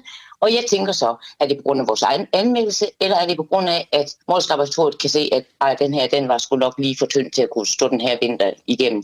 Så det passer jo ikke, at de ikke har anmærkninger på deres føderap, fød, hvad hedder det, Øh, hvad hedder det, kontrolrapporter, vel? Men de skriver, jo inde på deres, de skriver jo inde på deres hjemmeside 28. i 4., 14. i 6., 24. i 9., 15. 12. 2021 og 13. januar 2022, 16. marts 2022. Kontrolbesøg fra politiet og Fødevarestyrelsen. Ingen anmærkninger. Har du set kontrollerne? Jeg har ikke. Nå, stoler du ikke på dem? Nej. Nej, det gør jeg ikke. Hvorfor ikke det? Tror du, de lyver? Ja. Okay. Nå, ja, eller jeg, jeg kan i hvert fald sige, at de omgår sandheden meget lemfældigt. Øhm, men både politiet har og Mols Laboratoriet Fødevarestyrelsen... været ude og fortælle offentligheden, hvorfor de har taget en hest ud her inden for den sidste, seneste måned? Bare for. Men, men når man kører rundt i landskabet, så kan man jo se, der ligger sådan nogle container med døde dyr omkring stallanlæg og sådan noget. Det er jo ikke nogen, der fortæller, hvorfor, de, hvorfor dyrene er døde, eller hvorfor de men tager nu er dyrene ud. Mols Laboratoriet sådan en offentlig institution, og, øhm, og modellen ude på Mols er jo den model, der skal bruges ude i kommende naturnationalparker. Mols er en offentlig institution, og der, der bryster sig med, at de er, hvad hedder det, øhm, eksperter i det her, ikke? Altså, Jeg tror Øhm. nok, at øh, Mols Laboratoriet hører jo under Naturhistorisk Museum, og det er vist en privatejet institution med egen bestyrelse. Ja. Så jeg tror ikke, offentlig er de ikke, men, ah, men de har i hvert fald ah, et, privat, en offentlig privat, de er jo godt, de er jo godt støttet, Rasmus. De har en offentlig profil, men, men det, som jeg er ude efter her, ikke, det er, at de har jo det her princip om, at de tilser dyrene hver dag, og hvis der er dyr, der vurderes ikke at kunne klare den, eller være syg, eller sådan noget, så bliver dyret taget ud. Så på den måde skal de jo overholde dyrevelfærdsloven, så, så de er forpligtet til på en eller anden måde at håndtere og aflive de lidende eller syge dyr, øh... eller tage dem ud af Øhm. projektet, ikke? Ja, nu har jeg jo sådan en viden om, at øh, Mors Laboratoriet, de jo allerhelst så, at de her dyr, der var bag hegn, de fik lov at dø af sult og sygdom. Ikke? Det har Morten det, det jo udtalt flere gange. Ikke? Men det må man jo Øh, ikke. Nej, det må man ikke. Men, men det der med, at de tager dyrene ud inden lidelse, det passer jo simpelthen ikke. Nu har jeg agtindsigt i, øh, hvad hedder det, øh, de store, øh, hvad hedder det, øh, udtag, der var i 2020. Det var 41 dyr ud af 78, der vi taget ud, og flere var så dårlige, at de blev slået ned på arealerne. De var simpelthen for dårlige og, til at, øh, og, og, og blive flyttet. Ikke? Og i politirapporten fra 2020, der står der ordret, at der er ingen tvivl om, at der er blevet kalibreret med huldscoren, så det passede ind i forvaltningen. Det står der direkte, Rasmus Ejernes. Og i den samme aktindsigt fra politiet fra 2020, der, står der, der, der skriver de så også, at, at de skal være bedre til at tage dyrene ud inden lidelse. Men det gør de jo ikke. Det gør de jo ikke. De har tynde dyr gående på arealet PT. Øhm, de har blandt andet nogle kalve, og de har nogle øh, digivende, hvad hedder det, Galloway-køer. Øhm, så de tager dem ud reaktivt på Mols Laboratoriet. De tager dem ud lige inden kollaps. Og det har de altid gjort, og det har de sgu ikke lavet om på dernede. Altså, de tager dem ud reaktivt, for det er jo sådan, de forvalter dyrene, men Mm-hmm. de, de overholder jo samtidig dyrevelfærdsloven, og, og det be- bevidner og dokumenterer alle de her mange tilsyn jo. Jamen, Hvorfor jamen, tror har du, du set altså... rapporterne, Rasmus Ejernes? Har Hvem- du set rapporterne? Jeg har ikke set dem. De skriver, at det er blevet godkendt, men øh, når jeg kontakter Østjyllands politi, så får jeg at vide, at der stadigvæk op, øh, efterforskes. Sagerne er ikke lukket. Vores anmeldelse fra februar, den er ikke lukket. Den, er, den ligger stadigvæk til efterforskning. Men Mors Laboratoriet går ud og siger, at de har Fødevarestyrelsen øh, hvad hedder det, på besøg, og alt er godkendt. Jamen, har vi set rapporterne? Nej, vi har ikke set rapporterne. Så, så du mener, at der ligger, at der bliver skjult data for, for omverdenen her, og, og der er nogen, der dækker over noget, som i Ja. virkeligheden er ulovligt? Selvom der ikke Øh. ligger nogen dom eller sådan, altså... Eller Altså, hvad? altså nu, nu er det jo sådan, Rasmus Ejernes, at med dyrevelfærd og vandrygt, det er jo ikke, øh, altså, hvad hedder det, i 98 procent af, hvad hedder det, anmeldelsen, anmeldelserne om, øh, om, hvad hedder det, om misrygt, der bliver der ikke rejst sigtelse. Jeg har været involveret i en sag fra, fra Silkeborg Kommune øh, med 16 døde eksmorpornier tilbage i 2019. Der blev ikke rejst sigtelse. Så det der med, om der bliver rejst sigtelse ved vandrygtsager, øh, det er en fis i en hornlygte, fordi at vi er, jo ikke, vi er jo ikke i tvivl om, at de 16 eksmorponyer, der døde her i Silkeborg i 2019, det er vi jo ikke i tvivl om, at det er vandrygt, vel? Men der blev ikke rejst sigtelse. Så den der med, at man siger, er der rejst sigtelse, så er det ikke vandrygt. Den holder ikke. Fordi vandrygt og hvad hedder det, politiets efterforskning i de her sager, det er noget af det aller, aller mest vanskelige. Fordi der er mange interesser. Der er også dyrlæger, som lever af, hvad hedder, der er besætningsdyrlæger, der lever af, af, af hvad hedder, dyreholdernes øh, Ja, ikke også? Så, så, Ja, ja, så der men- er rigtig mange særinteresser i, i, øh, i vandrygtssager. Men Så Dorte, det ikke Dorte Bragner Jensen, altså kan du pege på en officiel instans, som giver dig ret i det her? Eller, eller er det i virkeligheden bare noget, I finder på? Ja, jeg, jeg, jeg kan hvad hedder det, pege på en masse dyrlæger, som, øh, som mener det samme. Altså, når, du er jo ikke i tvivl om, når du ser et billede af en øh, tynd hest, hvor du kan se ribbenene, for eksempel i januar måned, bag en tyk vinterpels, så er, er man jo ikke i tvivl om, at den hest den er tynd. Det, det kan man jo tydeligt se. Ja, det ser også? ud, altså det ser ud til, at, at man ser noget forskelligt, for de professionelle dyrlæger, der har været på besøg på Mols Laboratoriet, de har jo vurderet, at der ikke var nogen anmærkninger. Til gengæld har de Jamen, oplevet, jamen, til gengæld, fra, til gengæld har de jo skrevet i veterinærtidsskriftet, at de har oplevet hets, personrettet hets og politianmeldelse imod sig selv fra øh, det, dem, som du kalder dyrevenner. Det ved jeg ikke, hvad du, hvad, hvad, jeg ved ikke, hvad du mener med det. Altså, hvad, hvad Nej, det er jo bare, jeg læser jo bare øh, de dyrlæger, der har udtalt sig til veter- veterinærtidsskriftet om, at de føler sig forfulgt, fordi at de har foretaget nogle vurderinger, som åbenbart ikke er politisk spiselige øh, af jer dyrevenner, fordi I hellere havde set, at, øh, at de havde øh, fundet dyrene for tynde, men det har de altså ikke Det gjort. bliver du nødt til at konkretisere, hvis jeg skal svare på det her, fordi det ved jeg ikke noget om, hvad du Nej. mener. Men det er så okay. Øhm, jeg tror ikke, vi kommer det meget nærmere. I mener, dyrene sulter. Øh, og øh, det kan jeg ikke finde nogen former for dokumentation for. Tværtimod, øh, så er der dokumentation for, at dyrene ikke sulter på arealet. Nej, det er der ikke. Er det ikke en form for Ja. selvtægt, det som I i virkeligheden udfører her? Nej, det er det ikke. I mener, at øh, I har mere forstand på loven end politiet og de professionelle øh, Så dyretilsyn? prøver jeg, Rasmus Ejernes, jeg kan sige det meget, meget kort. Jeg har ikke set nogen som helst kontroller fra Fødevarestyrelsen den her vinter fra Mols Laboratoriet på Mols Laboratoriets dyr. Men jeg kan, jeg kan se i øh, hvad hedder det, antallet af dyr, der kan jeg for eksempel se, at de har taget en hest ud. Men hvorfor har de taget den hest ud? Kan du svare mig på det? Ja, det har de jo gjort, fordi at hesten ikke trives. Nå, og det er ikke på grund af, at vi har anmeldt dem i februar måned, tror du? Det har jeg ingen grund til at tro, Derfor at det skulle kunne være. De har jo dagligt tilsyn, fordi der er man jo forpligtet Derfor til at kunne få jeg rigtig godt tænke mig at se den fødevare, øh, øh, øh, der foreligger fra det kontrolbesøg, der, hvad hedder det, på baggrund af vores politianmeldelse. For det kunne godt ske, at den hest, den blev nævnt i den der kontrol. Der er jo en grund til, at, at Mols Laboratoriet tager en hest ud her i februar måned. Det gør de jo ikke, fordi den er kornfed, vel? Nej, jeg går ud fra, at de gør det for at overholde øh, Danmarks dyrevelfærdslov. Ja, Dorte men Bragner er Jensen, vi når grund af- ikke er mere, grund af, fordi nu er der gået øh, snart øh, 11 minutter af det her interview, og vi når simpelthen ikke længere. Så Nej, tusind tak orden. for at forklare, hvorfor at øh, I synes, at dyrene skal fodres på Mols Laboratoriet. Kan du have en god dag? I lige måde. Hej. Du lytter til Radio 4. Nå, det var Dorte Bravner Jensen, og jeg, hende bliver jeg så ikke lige enig med, jo, lige øh, her og nu, kan man sige. Altså, for det første, så tænker jeg, jeg, jeg føler mig jo selv som dyreven, og jeg er jo netop så begejstret for det, at sætte de her øh, vilde dyr på fri fod, øh, fordi at det er min oplevelse, at det er så godt for de dyr, og at de trives så godt med det. Og sådan så Dorte Bravner Jensen altså ikke på dyrene på Mols Laboratoriet. Hun så problemer og udfordringer og ledelse. Og jeg kunne godt tænke mig at blive lidt klogere på, hvad er et godt hesteliv, og ikke mindst, hvad er, mm, hvad er god føde for heste, og kan de egentlig tåle at leve ude i den vilde danske natur? Og for at blive klogere på det, så øh, har jeg fundet frem til Janne V. Christensen, der forsker i dyrevelfærd, og ikke mindst i heste på, øh, på Aarhus Universitet Forum.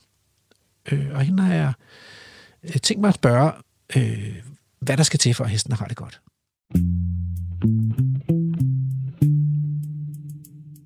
Så har jeg fået øh, lektor Janne Christensen fra Institut for Husdyrvidenskab på Aarhus Universitet med på en telefon. Velkommen. Tak for det. Øhm, se, jeg er jo ret nysgerrig på, fordi der, der er jo til synligheden en del uenighed om, hvorvidt de her heste kan klare sig ude i vores natur, Danmarks natur, hele året rundt, øh, som de nu gør ude på Mols Laboratoriet. Er det noget, man kan sige noget om? Altså, kan hestene egentlig klare sig uden at blive fodret i dansk natur? Altså, det kommer selvfølgelig an på, hvor store arealer de har til rådighed. Mm. Altså, det er jo... øh, Heste kan selvfølgelig sagtens klare sig uden mennesker, det er det, de udvikler selv. Øh, Så det kommer an på, hvilke arealer de har til rådighed, øh, og så hvor mange dyr, der er på et givet areal. Og hvor mange ressourcer, der er på det areal. Der, der er selvfølgelig også noget med, hvilken altså, type areal de går på. Øh, hvor hvis nogle arealer, der er meget sumpet for eksempel, det vil heste være, heste være mindre tilbøjelige til at bruge sådan nogle våde arealer i forhold til mere tørre arealer. Mm. Øh, så, så ja, heste kan sagtens klare sig ud mennesker, hvis de, har, hvis de har plads nok. Okay, men vel ikke alle heste? Altså, jeg synes jo nogle gange, man ser sådan nogle meget fremavlede varmblodsheste og sådan noget. Øh, vil man også bare kunne slippe dem fri, eller øh, får man så alligevel nogle problemer?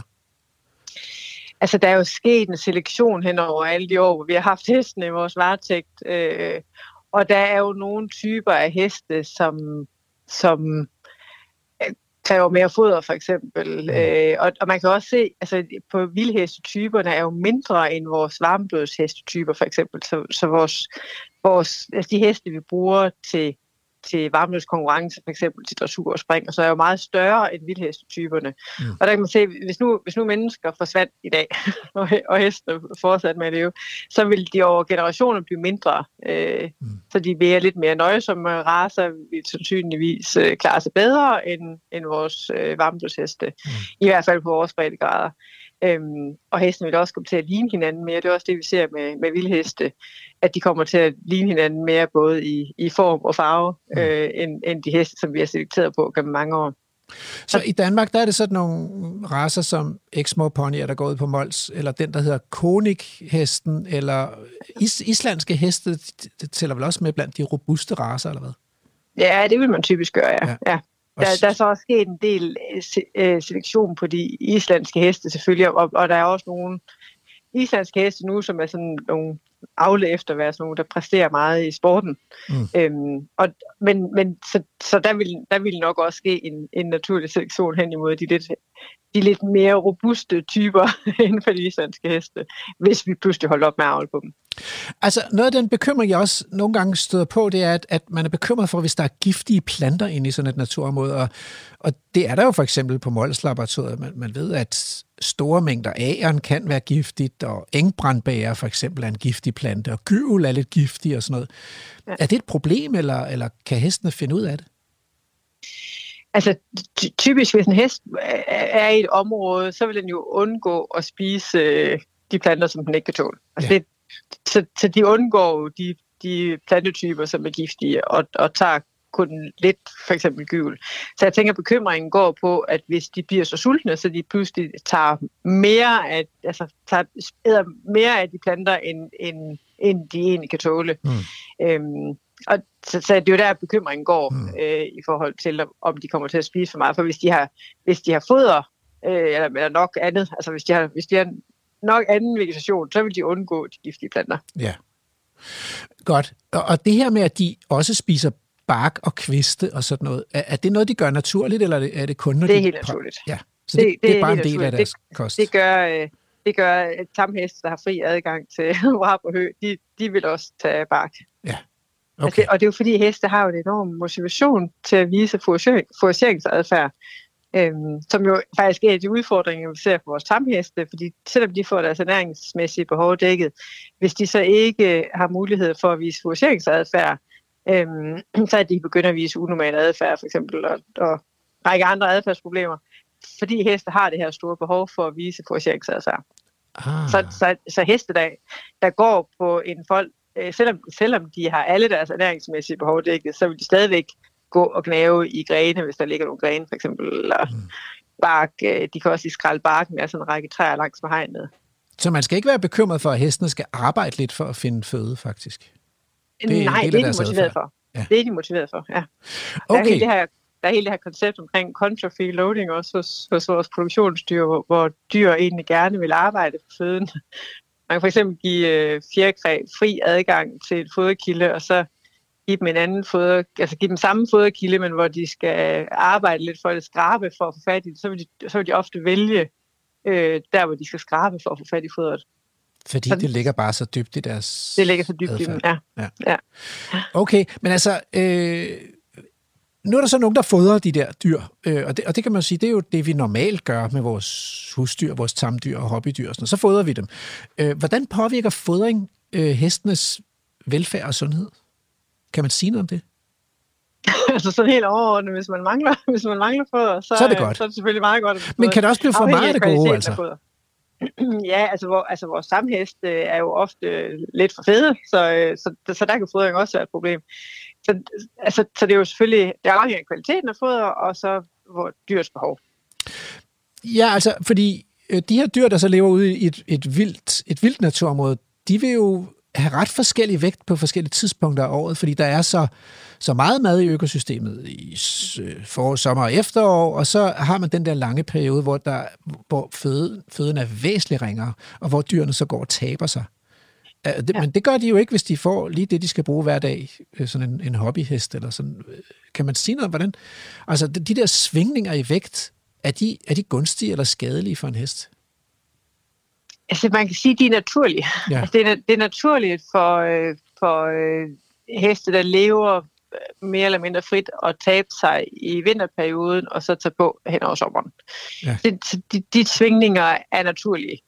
Øhm, hvorvidt det er decideret godt for hestene at tabe sig en smule hen over vinteren, det, det ved jeg faktisk ikke nok om. Mm. Øh, altså om, og så tænker du, om, om det forlænger deres liv i den anden ende, at man øh, har den her svingning i, i, i hul. Øh, og, og det tror jeg, det kender jeg faktisk ikke til nogen undersøgelser på, om det skulle være specielt gunstigt for dem. Nej. Jeg tænkte på det, selvfølgelig på det her med forfangenhed, som, som ja. sådan den der livsstilssygdom, som mange, mange holdte heste får. Ja, ja. Om, og, og men, men om det, om det decideret er, er at man, om, det er, om der er større risiko for forfangenhed ved der, de der udsvingninger, der, udsving, der kan komme ved at tage meget på, og så tabe sig igen i forhold til at være i en god, altså være i samme foderstand hele året. Mm. Hvis vi tager udgangspunkt i den der Henrik 1-9 skala, hvor 5 er optimal. Øh, altså hvis man så er på 5 hele året, tænker jeg, kan være lige så gunstigt som at være på 6 om sommeren, og så 4,5 for eksempel om vinteren. Ja, ja. Okay. Øh... Jeg, jeg tror ikke, vi har ikke nogen resultater på, altså, om, om det skulle være, om det her, om, om svingningerne er, er gavnlige eller uheldige i forhold til forekomsten af forfangenhed. Mangler vi i virkeligheden viden om, hvordan, hvad kan man sige, altså sådan en naturlig reference for det gode dyreliv, eller hvad man skal sige, hvad angår den her fodertilstand, eller Altså, ja. for at kunne vurdere, hvornår er det, hvornår er det inden for rammerne af dyrevelfærd, og hvornår er det ligesom, øh, hvornår ja. er der for få ressourcer? Ja, det mangler vi helt klart. Vi, vi mangler meget mere viden om, øh, om hvor, ja, hvad er de naturlige svingninger, og, og, og hvornår, hvornår er vi, er vi kommet så langt ud, at dyrene decideret sulter, og det har en skadelig betydning øh, Øh, skadelig effekt på dyrene. Mm. Og hvor skal vi kigge hen for at få den viden? Altså, Mols er jo ikke ret stort, det er 120 hektar, men vi har brug for nogle flere studieområder. Er der, er der andre steder, vi kan kigge hen i Danmark eller ud i verden? Altså, der, der går jo, altså, der, jo, der går jo heste og, og andre dyr i, øh, i naturområder mange steder i verden, altså mange mm. steder både i Europa og i verden. Øhm, og, og altså, jeg har selv været i Ukraine i sin tid, lige nord for Krimhaløen, det som lige nu er, er under lige nu. Desværre, ja. lige nu er under desværre under russisk besættelse, øhm, hvor der ligger, hvor der er et stort reservat, hvor man har øh, største population af, af stravalske heste, som jo er en af tamhestens nærmeste levende slægtninge. Mm. Øhm, og og øh, der har man så store grupper til at gå også på de der steppeområder. Og, og de, altså, de taber sig jo også lidt hen over vinterperioden. Det er jo sådan nogle dyr, som er rigtig vigtige for vores europæiske avlssamarbejde. Øhm, og, og, hvis, og de havde jo sådan en, en skala, de gik frem efter, hvis, hvis, der, hvis der så ud til at være, hvis dyrene begynder at tabe sig, og der ikke var nok øh, ressourcer på området, så der, der suppleringsfoder de dem så. Mm. Øhm, Ja, fordi altså i vilde økosystemer, der bliver dyrene jo typisk ikke så gamle, som de gør i zoologiske haver. Og en af grundene er jo selvfølgelig, at, at føden er knap i en, ja. ofte i en del af året. Ikke? Øh, ja. Også fordi bestanden vokser, og, og så opstår der knaphed, fordi der bliver flere dyr, så skal nogle af dem jo dø. Så dyrene bliver ikke lige så gamle. Hvad, hvad i alverden skal vi stille op med det, altså, øh, hvis det er helt naturligt? Jamen, jeg tror, vi, jeg tror, vi er nødt til at, øh, at være helt skarpe på, at at klare sig og overleve, at, at, at populationen over, overlever eller klarer sig i et område, har jo ikke nødvendigvis noget at gøre med dyrevelfærd. Mm. og, øh, og, og dyr kan jo klare sig og overleve i mange forskellige områder. Men, men når vi så taler dyrevelfærd, det er måske ikke optimalt. Dyrevelfærd, altså dyr, der, der overlever i et område, har ikke nødvendigvis god dyrevelfærd mm. på alle sider af året. Mm. Øhm, og, og, og det er jo, det er jo, jeg tænker, det er her, vi, vi har, et, altså, det, hele debatten her i Danmark er jo omkring, det, at dyrene kan godt klare sig, at, det, at de overlever i, i, kan overleve i forskellige områder, men hvordan skal dyrevelfærden være for de dyr? Mm. Øhm, og, og det kan man jo så gå ind og vurdere på, på forskellige måder øh, i forhold til, om dyrene får deres, deres, blandt deres adfærdsbiologiske behov opfyldt, deres fysiologiske og deres sundhedsmæssige behov.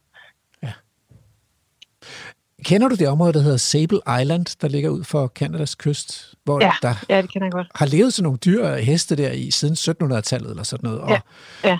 og som, hvor man nu har besluttet i, i kan, kanadisk lovgivning at betragte dyrene som vilde dyr, selvom de jo oprindeligt er udsat af mennesker, ikke? Ja. Og det, jeg, jeg blev ret forbløffet over at kigge på sådan et luftfoto, fordi det er, sådan, det er jo helt bare, det, der, der er noget hjelme mm. og, og sådan noget meget sparsom plantevækst. En stor del er bare rent sand. Og ja. alligevel så lever der en flok heste på 500 dyr eller sådan noget lignende. Og, og så dør nogle af dem om vinteren, når det er koldt, og der er knaphed på føde. Og, mm. og der har man besluttet, at, at dem, det vil man simpelthen ikke blande sig i. De må godt dø. Altså, det er okay. Ja, det har man besluttet, ja, fra, fra, ja, fra myndighedernes side, side, myndighedernes side, ja, ja. Med, med folkelig opbakning. Men det er jo ikke der, vi er i Danmark. Nej. I dag.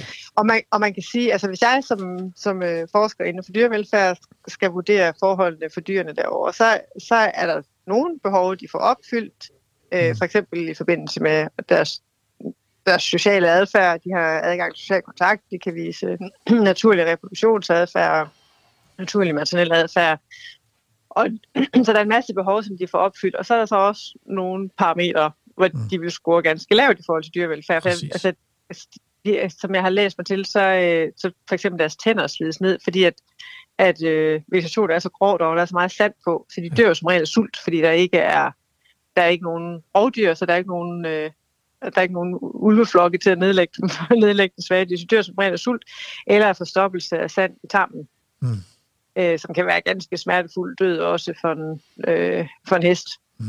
Så, så der vil være nogle parametre, og der er jo ikke er heller ikke skygge og læt over, for eksempel. Nej, ingen træer og ingen buske. Ingen træer, nej. Så det er et ret barsk miljø, ja, det må man de sige. overlever i derovre. Ja. Så, så der vil være nogle, altså, der vil være nogle parametre, hvor, hvor de heste lever derovre, dyrevelfærdsmæssigt vil score lavt. Ja. Altså det... Og, og det er jo så en etisk beslutning om, altså man siger, de, jamen, de er ikke selv svømmet over, de kan heller ikke selv svømme derfra igen. Så det er jo så en, en, ja, så det er jo sådan en beslutning, altså er, er der nogen, der har ansvar for de dyr? Øh, dem, der har sat dem ud over i sin tid, er jo ikke levende mere. Og, og, det, og det, det har man jo så besluttet, at det er der ikke nogen, der skal have ansvar mm. for de dyr. Mm. Øhm, Ja, altså fordi på den måde minder området jo om et, et hegnet reservat, ikke? fordi det, ja. det, det er virkelig en barriere i forhold til bevægelse her. ikke. Øh, ja. Så, ja. Nå, øh, ja, Janne... og de har ikke selv og valgt, ja, man kan sige, at hesten har ikke selv valgt at være på den ø. Det er ikke sådan, at de selv er svømmet til, og så kan de svømme derfra igen. Nej. Så det er jo, så det er jo et, et, et område, som de er sat ud til, og, og, og, og der overlever de under, under nogle barske forhold. Ja. Og det er på en ja. måde også vilkåret, når vi sætter dyr ud i naturreservater, ikke? At, at vi har valgt, hvor vi synes, der er plads til de her dyr. De kan ikke selv komme vandrende et eller andet sted fra, fordi de er her ikke længere. Der er ikke urokser og vildheste i vores natur Nej. længere. Så vi sætter dem ud i det her område, og så siger vi nu, nu er det så jeres, ikke? Øh, og så er spørgsmålet, hvor meget kan vi, hvor meget kan vi ligesom tåle at se? Ja, så hvad vil vi byde, hvad vil vi byde dyrt? Ja, de har ikke selv valgt det område, og så, ja, og så, så de her beslutninger, og vi kan, vi kan lave nogle målinger af, af deres velfærd på et hvert givet tidspunkt, og så er der nogle parametre, de scorer højt på, og der er nogle ja. parametre, de ikke vil score højt på. Og så er, og så, så er det jo sådan en beslutning, vil vi have tilstande, som, som ponyerne derovre på ja. Sable Island har, eller, eller vil vi have nogle andre standarder for, for dyrevelfærd? Janne Christensen, tusind tak for at gøre os klogere på, øh, på dyrevelfærd, ikke mindst i forhold til øh, heste og hvad de skal have at spise. Tak for det. Selv tak. Ja, hej. Hej. Du lytter til Radio 4. Det var Janne Winter Christensen, og nu må det være tid til at ringe til den danske dyrlægeforening.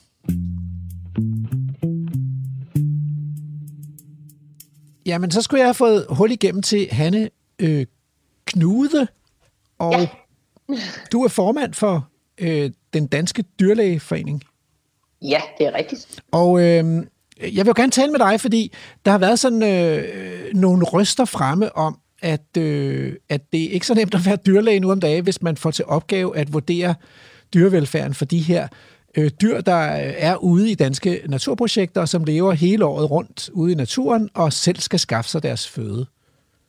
Øh, der har været en artikel blandt andet i øh, veterinærtidsskriftet, hvor der er nogle dyrlæger, der, øh, der klager over, eller, eller hvad kan man sige, ærger sig eller ømmer sig over, at de er blevet mødt af personlig hets fra dyrevelfærdsaktivister, og de også er blevet anmeldt, altså der er blevet indgivet politianmeldelser imod dem.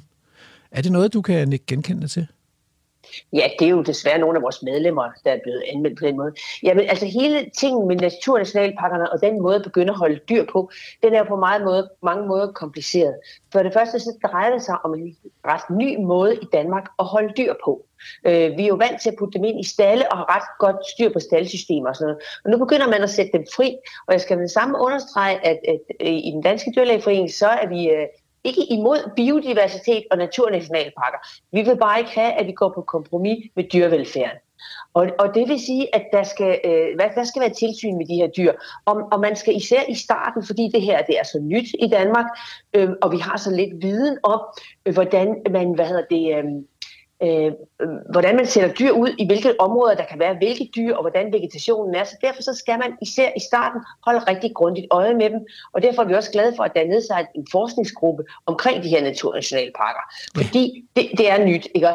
Øhm, så det vil sige, de, det er mine kolleger, jeg ved godt, det er lidt rundt om søen for at komme øh, til et selve emne, men de er mine kolleger, der bliver sat derud og skal undersøge øh, og skal holde øje med de her dyr. Øh, det er en, en kompleks opgave, fordi det er ikke noget, vi kan sige, fra da vi gik på skolen, er, er skolet i. Så, så det, er, øh, det er noget nyt, vi skal til at lære os, og nogle er begyndt at specialisere sig i de her. For man har jo ikke en, en ko inde i en stald og kan gå hen og mærke på den. Så man skal til at lave det, vi kalder hulvurdering, altså vurdere, hvor tyk den er, på andre måder. Så det er, øh, det er komplekse ting at skulle lave det her. Øh, og ydermere, så er der jo så sket det, at øh, der har været en meget, meget stor bevågenhed for offentligheden. Ja. Og, og det, altså det, det er jo meget godt, fordi så bliver der også holdt øje med dyrevelfærden. Ja. Øh, og det er vi jo egentlig glade for. Men det er klart, at der i, i, i de her øh, opstartsfaser af sådan noget her, der har været nogle uheldige ting i Voldsbjerge for eksempel. Det ved vi jo alle sammen godt, at der har været nogle uheldige ting. Øhm, og det er jo så gået ud over de dyrlæger, der har ført kontrol derude. Øhm, og det er simpelthen ikke rimeligt, at, at det er sket på den måde. Ja, altså, så hvis vi skal skille tingene ad, så har der været en sag om vandrygt på statens arealer i Molsbjerge. Ja. Øh, jeg tror ikke, jeg ved ikke, om der har været noget uenighed eller skænderi om den, fordi der har vel ikke været så meget en tvivl i virkeligheden om, at dyrene døde jo af sult. Slet ja, ret. det er rigtigt, men der har også været noget med min pony, der havde et halsbånd på forkert og sådan nogle ting. Ikke? Så, jo, så jo, men den, været, den, ja. den, er jo, den er jo ret klar, og den er jo også ja. blevet afgjort, og ja. jeg tror ikke, der har været noget... Så, så stridsspørgsmålet har jo gået på, om dyrene er blevet sultet på Mols-laboratoriet, og der har jo været, jeg tror, op imod 20 tilsyn af professionelle dyrlæger, og der har ingen anmærkninger været. Har du Nej. ikke tillid til, at det er korrekt? Øh, jo, det har jeg, men man må også samtidig sige, at det er en, vanskelig opgave, og jeg vil helst ikke lige gå ind i, i, i den der øh, konkrete sag. Men og jeg, jeg synes, at det er vigtigt her, fordi spørgsmålet i, uh, dyr, i veterinærtidsskriftet, det er jo, at når der har været professionelle ude og vurdere dyrenes velfærd, så skal man jo kunne stole på det, og, og, og jeg tænker, kan vi ikke stole på, at den vurdering er øh, retvisende? Jo, hvis man kan komme til dyrene, og hvis man får de arbejdsforhold, man skal have til det. Ikke? Og det er jo der problemet ligger. Men selvfølgelig mener jeg, at mine medlemmer de laver et ordentligt stykke arbejde, og også laver det så godt, som de kan. Men der er det jo der, at vi er i en, i en kan vi, opstartsfase af nogle ting, hvor sådan nogle de er jo ikke samme, de her dyr. Du kan ikke komme tæt på dem, så du kan ikke på lang afstand vurdere altid, om en pony med tyk pels er tyk nok. Så der skal man ind og begynde at kigge på, hvordan er dens adfærd og sådan nogle ting. Ikke? Så det er en vanskelig opgave, og jeg mener helt sikkert, at de løser den så godt, som de kan. Og derfor er det ikke rimeligt med sådan en hets, der har været på den måde der. Ja, fordi det, som dyrlægerne her klager over i veterinærsidsskriftet, det er jo, at der er også andre dyrlæger, der løber med på den her kritik. Men jeg hører, at du egentlig også stiller et lille spørgsmålstegn ved, hvorvidt man kan stole på vurderingerne. Er det korrekt? Nej, jeg stiller ikke spørgsmålstegn. Jeg stiller spørgsmålstegn måske ved de arbejdsforhold, de har til at kunne gøre det. Og hvis man så bliver bedt om at lave en vurdering, så må man gøre det ud fra de data, man har. Ja. Men de er jo ude at se på, altså de ankommer jo til Mols Laboratoriet med politi, og, øh, og de kommer jo hen og ser til dyrene. Og vi har været der flere gange også med programmet her. Man kan komme ind på en 10-20 mm. meter af de her dyr, ikke? Så, så det er nemt ja. at komme til at se dem og se deres adfærd sådan, så, så, i virkeligheden ude i naturen. Men man kan ikke komme til at røre ved dem, det er sandt. Nej, nej, det er rigtigt. Og, og der er det simpelthen, det vi jo er skolet i, at det når man normalt gør, det er jo, at man, man vi kalder palpere, vi rører ved dyrene, og så kan man mærke, hvor, hvor meget kan man mærke ribbenene. Her har du en tyk pels, så du står på nogle meters afstand. Det, men når jeg snakker om adfærd, det er, at man skal begynde at se på, hvad begynder de at spise, øh, når de ikke har foder nok, for eksempel. Øh, og der kan man så se, og det er så en indikator for, om de egentlig sulter. Når de begynder at spise, for eksempel når heste begynder at spise bark og sådan nogle ting, øh, så kan det være et tegn på, eller de, de tager nogle specielle fødemidler, som de ikke normalt ville tage så kan det være et tegn på, at de sulter. Så sådan nogle kriterier skal man til at begynde at have ind i det. Øhm, og, og det er jo det er jo vanskeligt. Der har vi slet ikke forskning nok i danske forhold til, at vi egentlig ved, hvordan man skal øh, gøre de her ting. Og der er altså nogle af dem, der er ved at være rigtig dygtige til det. Og du kan tydeligt høre, jeg er jo ikke ekspert inden for det her mhm. område, så jeg kan ikke huske, hvad for nogle fødemidler det er, hvilke nogle dyr begynder. Men, men det er der nogen, der ved. Og det er, jo sådan, det er jo sådan en anden måde, når man ikke kan komme ind og lave det, vi kalder en klinisk undersøgelse på et dyr så må man begynde at observere på, at, man, at hestene begyndt at spise noget andet, end de plejer. Det kan så være, fordi de ikke får nok mad, og så er de sikkert ved at være for tynde, og så skal vi nok til at begynde at dele flokken op. Så det er jo ikke sådan, at det bare lige er sort-hvidt, for hvis de her dyrlæger kunne komme ind og sætte den hest i en boks og mærke på den, så er jeg ikke i tvivl om, at, de kunne, at deres faglighed den var perfekt. Men de har nogle arbejdsforhold, som gør det vanskeligere at vurdere dyrene her. Så du og, er simpelthen, altså jeg hører dig ytre tvivl om, hvorvidt man kan stole på vurderingerne af dyrene, fordi, fordi de ikke kan komme til at røre ved dyrene? Jamen det er rigtigt. Der, der bliver nogle tvivlstilfælde der, det gør der også for dyrlægerne derude. Ikke? Og derfor er det ikke rimeligt, at, at man afliver alle de her projekter, øhm, bare fordi, at, at der er nogle knast undervejs. Altså jeg er helt sikker på, at nu er der så meget bevågenhed over det, så det her det bliver noget, man kommer til at kigge rigtig meget på, og man, de har jo også været derude og lave flere tilsyn, ikke? Øh, fordi når tingene bliver vanskelige, så må man jo prøve at gøre det på en lidt anden måde. Men er du ikke bekymret for, at du som formand for Dyrlægeforeningen kan komme til at, at, at understøtte den her politisk motiverede chikane mod dyrlægernes arbejde, ved at du i virkeligheden stiller lidt spørgsmålstegn ved, hvorvidt man kan stole på vurderingerne? Jamen, du, nu bruger du, lægger du mig også ord i munden, som ikke passer, fordi jeg siger ikke, at vi ikke kan stole på dem. Jeg siger bare, at de, de vanskelige, de laver dem så godt de kan. Det er jeg helt sikker på, og de prøver at skille de dyr fra, de synes, der for eksempel ikke kan følge med flokken, og som de synes ser anderledes ud. Ikke? Og er det ikke øh, godt nok? Så, jo, det, det, det, øh, det håber jeg, at det, det vil blive. Det er klart, der, der er også plads til forbedringer der, fordi det er et nyt område, vi er i gang med, ikke? Jo, men de her dyr kan jo leve ude i naturen, og det gør de jo også andre steder og har gjort i millioner af år. Øh, og der vil de jo spise noget andet om vinteren, end de spiser om, om sommeren. Ja. Så, så, ja. så, så, så altså det er jo måske også et spørgsmål om at finde ud af, hvordan er det, altså ikke bare at vurdere dyrene på de samme kriterier som et stalddyr, der får det samme foder året rundt, men faktisk vende sig til, at, at de her dyr, de, de skal jo blive slanke om vinteren, for det er jo en del af det naturlige cyklus. Ja, Jamen, det er fuldstændig korrekt, og, det er der, hvor grænsen den er hårfin. Hvornår er de slanke, og hvornår bliver de for tynde? Så, og det er det, der er vanskeligt. Ikke? Og så det er i virkeligheden, også, du også siger ikke, at vi skal have noget erfaring med, hvad er det her vilde natur, og, og, ja. øh, og hvornår er det, at man går over en grænse? Ja, og så skal vi have noget erfaring med de områder, vi sætter dem ud på. Hvor meget kan et givet område bære af ja. dyr? Fordi det er jo meget, meget forskelligt. Og, og for det der, nu siger du, de har levet der i millioner år, det har de, men der har de også kunne vandre. Og det er jo der, hvor hele problemet ligger. Problemet ligger i det hegn, vi sætter op. Ikke? Det gør, at dyrene ikke selv kan vandre, for ellers så skulle sådan nogle heste jo nok gå et andet sted hen. Ja, ja. Ah, det, der, tror jeg, der tror jeg, der er noget basal populationsbiologi, vi lige skal have styr på her. Fordi dyrene spiser jo op, uanset... Altså, det er jo ikke sådan, at der vil være et sted uden heste i et naturligt landskab. Der vil jo være dyr alle vejen, så der vil være spist jo. op alle vejen. Men der vil også være en større dødelighed, og der vil være en, øh, en naturlighed, som vi ikke vil kunne acceptere. Ikke? Fordi at store dyr vil lægge sig til at dø, hvis vi øh, havde dem helt vildt.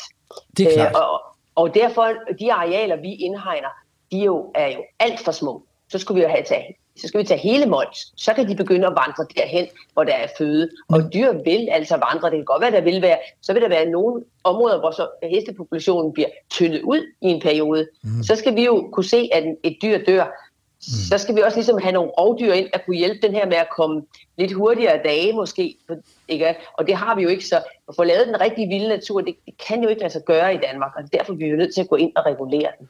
Så det er jo der, hvor der måske er behov for et samarbejde mellem biologer og dyrlæger i en forståelse af, hvordan kan det fungere i et, i et mere Helt naturligt øh, setup. Helt sikkert. Ja. Ja, Ved du hvad, øh, Hanne Knude Palshoff, øh, tusind tak for at gøre os klogere på, øh, på de danske dyrlægers udfordringer med det her nye koncept om rewilding.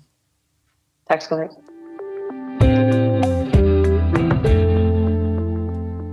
Du lytter til Vildspor, og øh, i, her i anden time af dagens program, der, der prøver vi at undersøge, hvad i alverden er det, der foregår med det der øh, ulovlige fodring på Mols Laboratoriet. Hvorfor gør de det? Øh, hvad vil de opnå? Og Øh, er der nogle mulige måder, man kan få det stoppet på? Og hvad tænker dyrlægerne, og, og, og hvordan har hestene det, osv. Så, så øh, og nu har vi talt med øh, Dyrlægeforeningen øh, om nogle af de udfordringer, som dyrlægerne står med i forhold til de her øh, vildlevende dyr i rewilding-projekterne. Og nu kunne jeg godt tænke mig at vide øh, lidt om, hvordan om Molslaboratoriet kan få noget hjælp til at håndhæve deres regler. Og øh, det er jo oplagt så at ringe til politiet, og derfor så har jeg fundet frem til vice øh, politiinspektør ved Østjyllands politi, Christian Juliusen. Christian, velkommen til Vildsborg. Jo, tak. Mm, jeg er jo lidt nysgerrig efter, fordi I er jo ligesom den håndhævende magt, og, og Molslaboratoriet har de her regler med, at man ikke må fodre, og så tænker jeg, jeg ringer til politiet og spørger, altså kan I hjælpe dem med at håndhæve de her regler øh, om, at man ikke må fodre? Altså det vi gør, det er, altså vi efterforsker selvfølgelig de sager, øh, eller de anmeldelser, vi, vi får øh, omkring fodringen. Og så øh, normalt, når vi får flere anmeldelser fra om en overtrædelse af loven inden for et sådan snævert geografisk område inden for kort tid, jamen så, øh, så gør vi jo alt, hvad vi kan for at få noget, altså nogle patruljer ud og, og kigge på de tidspunkter, hvor, øh, hvor vi kan se, at, at anmeldelserne kommer. Øh, så det vil sige, hvis nu der kommer 3-4 anmeldelser inden for, for en uge omkring ulovlige fodringer, så, øh, så vil vi jo kigge på, hvornår ligger gerningstidspunktet, og så vil vi jo prøve at komme ud og ligge og, og forhindre det, øh, men også at se, om der er nogen, der kunne være gerningsmændene til, til de tidligere øh, forhold. Og hvad stiller man op med sådan nogle gerningsmænd der? Altså, jeg går ud fra, at I ikke sætter dem i brummen, men hvad, hvad gør I sådan helt konkret? Jamen, der er jo sådan, vi skal jo undersøge, hvad, hvad, hvad, kan man sige, hvad er gerningsindholdet af, af den her type, øh, øh, hvad kan man sige, af de foder. Det, øh, det ødelægger et, et øh, forskningsprojekt, som, som man har gang i derude. Mm.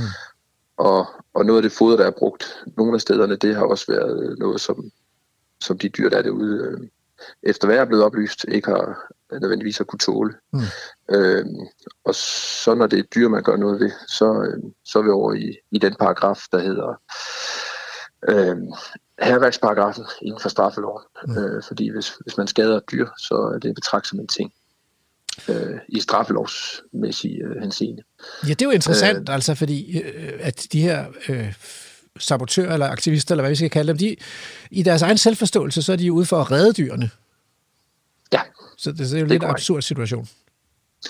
Ja, øh, men, men det, det er så den ene gang, at det, at det er sket. De andre gange har det været med, med noget hø, de godt kunne, kunne tåle, men, mm. men i og med, at, at man, hvad kan man sige, ødelægger øh, et forskningsprojekt i nogle dage mm. med, en økonomisk, med et økonomisk tab til, øh, som resultat af det, så, øh, så kan man også øh, vurdere det til at, at være en, øh, en herværkssag. Ja, fordi Og man må det, godt altså, så. fodre sine fugle derhjemme på foderbrættet, ikke? I haven. Øh, men Jo. det, det, er vel også noget med, at man fodrer inde på anden mands jord her. Altså, Jamen, der er jo skiltet øh, Ja. ret tydeligt med det derude, at, at man ikke må fodre dyrene. Ja. Øhm, og, og det er jo, og når man så gør det, jamen så, så er det jo en vurdering af, hvad er det, det, det er så en overtrædelse af. Og i de her sager har vi vurderet så, at det er, det er herværkssager. okay, men jeg har jo også set politiet øh, derude i anden, anden sammenhæng, og det skriver Molslaboratoriet også ind på deres hjemmeside, at I tager også med ud, når der sådan er øh, indgået anmeldelser om vandrygt imod Mols Laboratoriet, og, så- og så tager I derud sammen med nogle dyrlæger for at kontrollere, om dyrene har det godt. Er det ikke også rigtigt? Jo, når vi får anmeldelser omkring ja. øh, dyr, der enten er i for dårligt hul, eller Ja. bliver vandrygtet på anden vis, jamen, så er vi jo ikke, øh, det, vi kan jo ikke, vi er jo ikke uddannet til at se, om, øh, om dyrene er, om de har det rette øh, foder, om de har de rette omgivelser i forhold til årstiden osv. Så, videre. så derfor så er, den, er det Fødevarestyrelsen, der har øh, de har jo embedsdyrlægerne, som de kan, kan sende ud, og det er jo, det er jo dyrlæger, der er uddannet til at, at kigge på, på hvad der nu forholdene, både ja. de fysiske forhold, men også om, om det enkelte dyr har, øh, om der er nogle overtrædelser af, af dyrevelfærdsloven. Altså, jeg har jeg jo lidt mistænkt for det, bare fordi, at kaffen og kringlen er så god ude på Mols Laboratoriet i hele tiden. Altså, man ser jo meget politi derude. Men du, det Ja. er ikke derfor. Jeg har i hvert fald ikke hørt, om der er nogen, der, har fået, at der er nogen, der skulle have fået kaffe og kringle. Nej, okay. Men, men øh, så, så det, det kan jeg desværre ikke bekræfte. Nej. Jeg tænker, det er jo et dejligt sted, så der må være lidt et personalegode, at man kan komme til at, at få de der ture ude i naturen på den anden side. Men, men der må gå noget tid med det, fordi jeg kan jo se ind på Mols Laboratoriets egen side, at der, der er mange af de her øh, besøg af politi og dyrlæger, ingen anmærkninger. Der, der, det- de kommer mange gange derinde, så det, så det, det er noget, der sker relativt tit. Er det ikke mange ressourcer at kaste efter? Kan man, kan man bare blive ved med at anmelde det, og så kommer I hver gang glade ud? Eller kan, Jamen, vi, er vi, der en vurderer jo, vi vurderer jo anmeldelserne fra gang til gang. Okay. Øhm, og, og det er ikke alle anmeldelser, vi, reagerer vi, på? øh, vi reagerer på, fordi Okay. vi, vi, altså det, det er ligesom alle andre mulige anmeldelser til, til politiet. Jamen der, der er det, jo en, det er jo altid en vurdering af, hvad er det, vi, vi vil øh, rykke ud til, og hvad, hvad synes vi, at, at, at det ikke er noget for, øh, for politiet. Og det kan også være, at vi får en anmeldelse en dag, og så, øh, så går der en uge, så får vi en ny anmeldelse. Ja. Øh, og så genovervejer vi jo også den første anmeldelse samtidig med. Ja. Så er det sådan lidt, så det, det er lidt, det, jeg kan ikke bare give sådan et klart svar på, at, øh, at vi rykker ud hver gang, eller at vi aldrig rykker ud. Det er altid et, øh, et sted midt imellem. Men, men det, er en, det er en konkret vurdering fra, fra sag til sag, der, der afgør, om vi, vi rykker ud eller ikke rykker ud.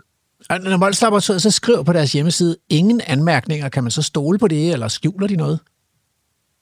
Altså, jeg kan jo ikke udtale mig om, om de enkelte sager, Nej. men, men jeg øh, har ikke oplevet, at de har, øh, at de har oplyst noget, der ikke var sandt til os i hvert fald.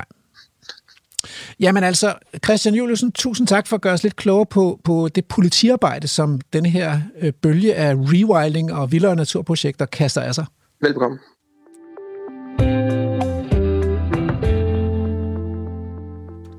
Det er ved at være slut på et overraskende program. Fronterne står stejlt. Mols Laboratoriet har et af Danmarks vildeste naturprojekter. De har sat heste og kvæg fri til at leve hele året rundt i et varieret naturområde under hegn. Dyrene ved ikke, at de lever under hegn. De lever bare. Men menneskene ved det, og en gruppe af selvudnævnte dyrevenner har besluttet sig for, at dyrene lider, og at det er deres hellige pligt at bryde reglerne og fodre dyrene ulovligt. Mols selv er blevet anmeldt et utal af gange de senere år, og så med mellemrum kommer dyrlægerne ud og tilser dyrene, og der har ikke været nogen anmærkninger på deres foderstand. De hyppige tilsyn beroliger dog ikke sabotørerne, som insisterer på, at sandheden holdes skjult af myndighederne.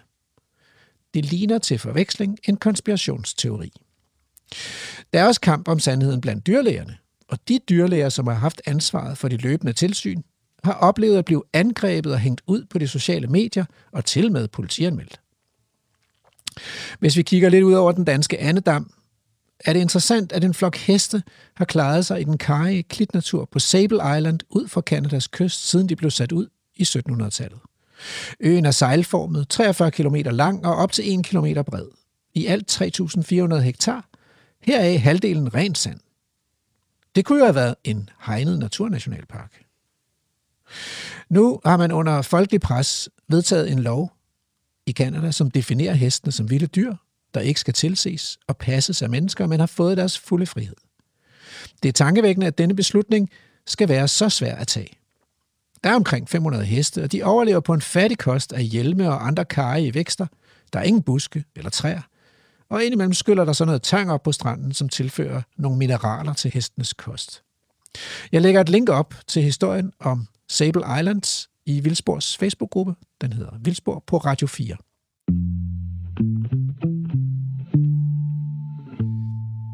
Programmet er ved at være slut. Tak til Dorte og Jensen for at fortælle, hvorfor hestevennerne fodrer.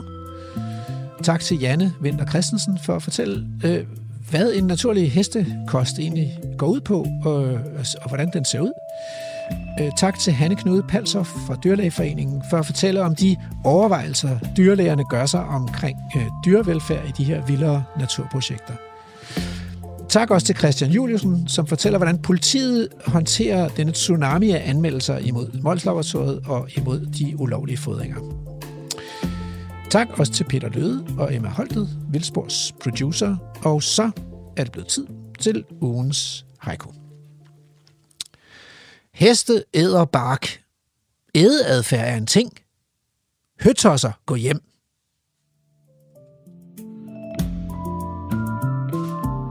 Programmet er produceret af Videnslyd for Radio 4.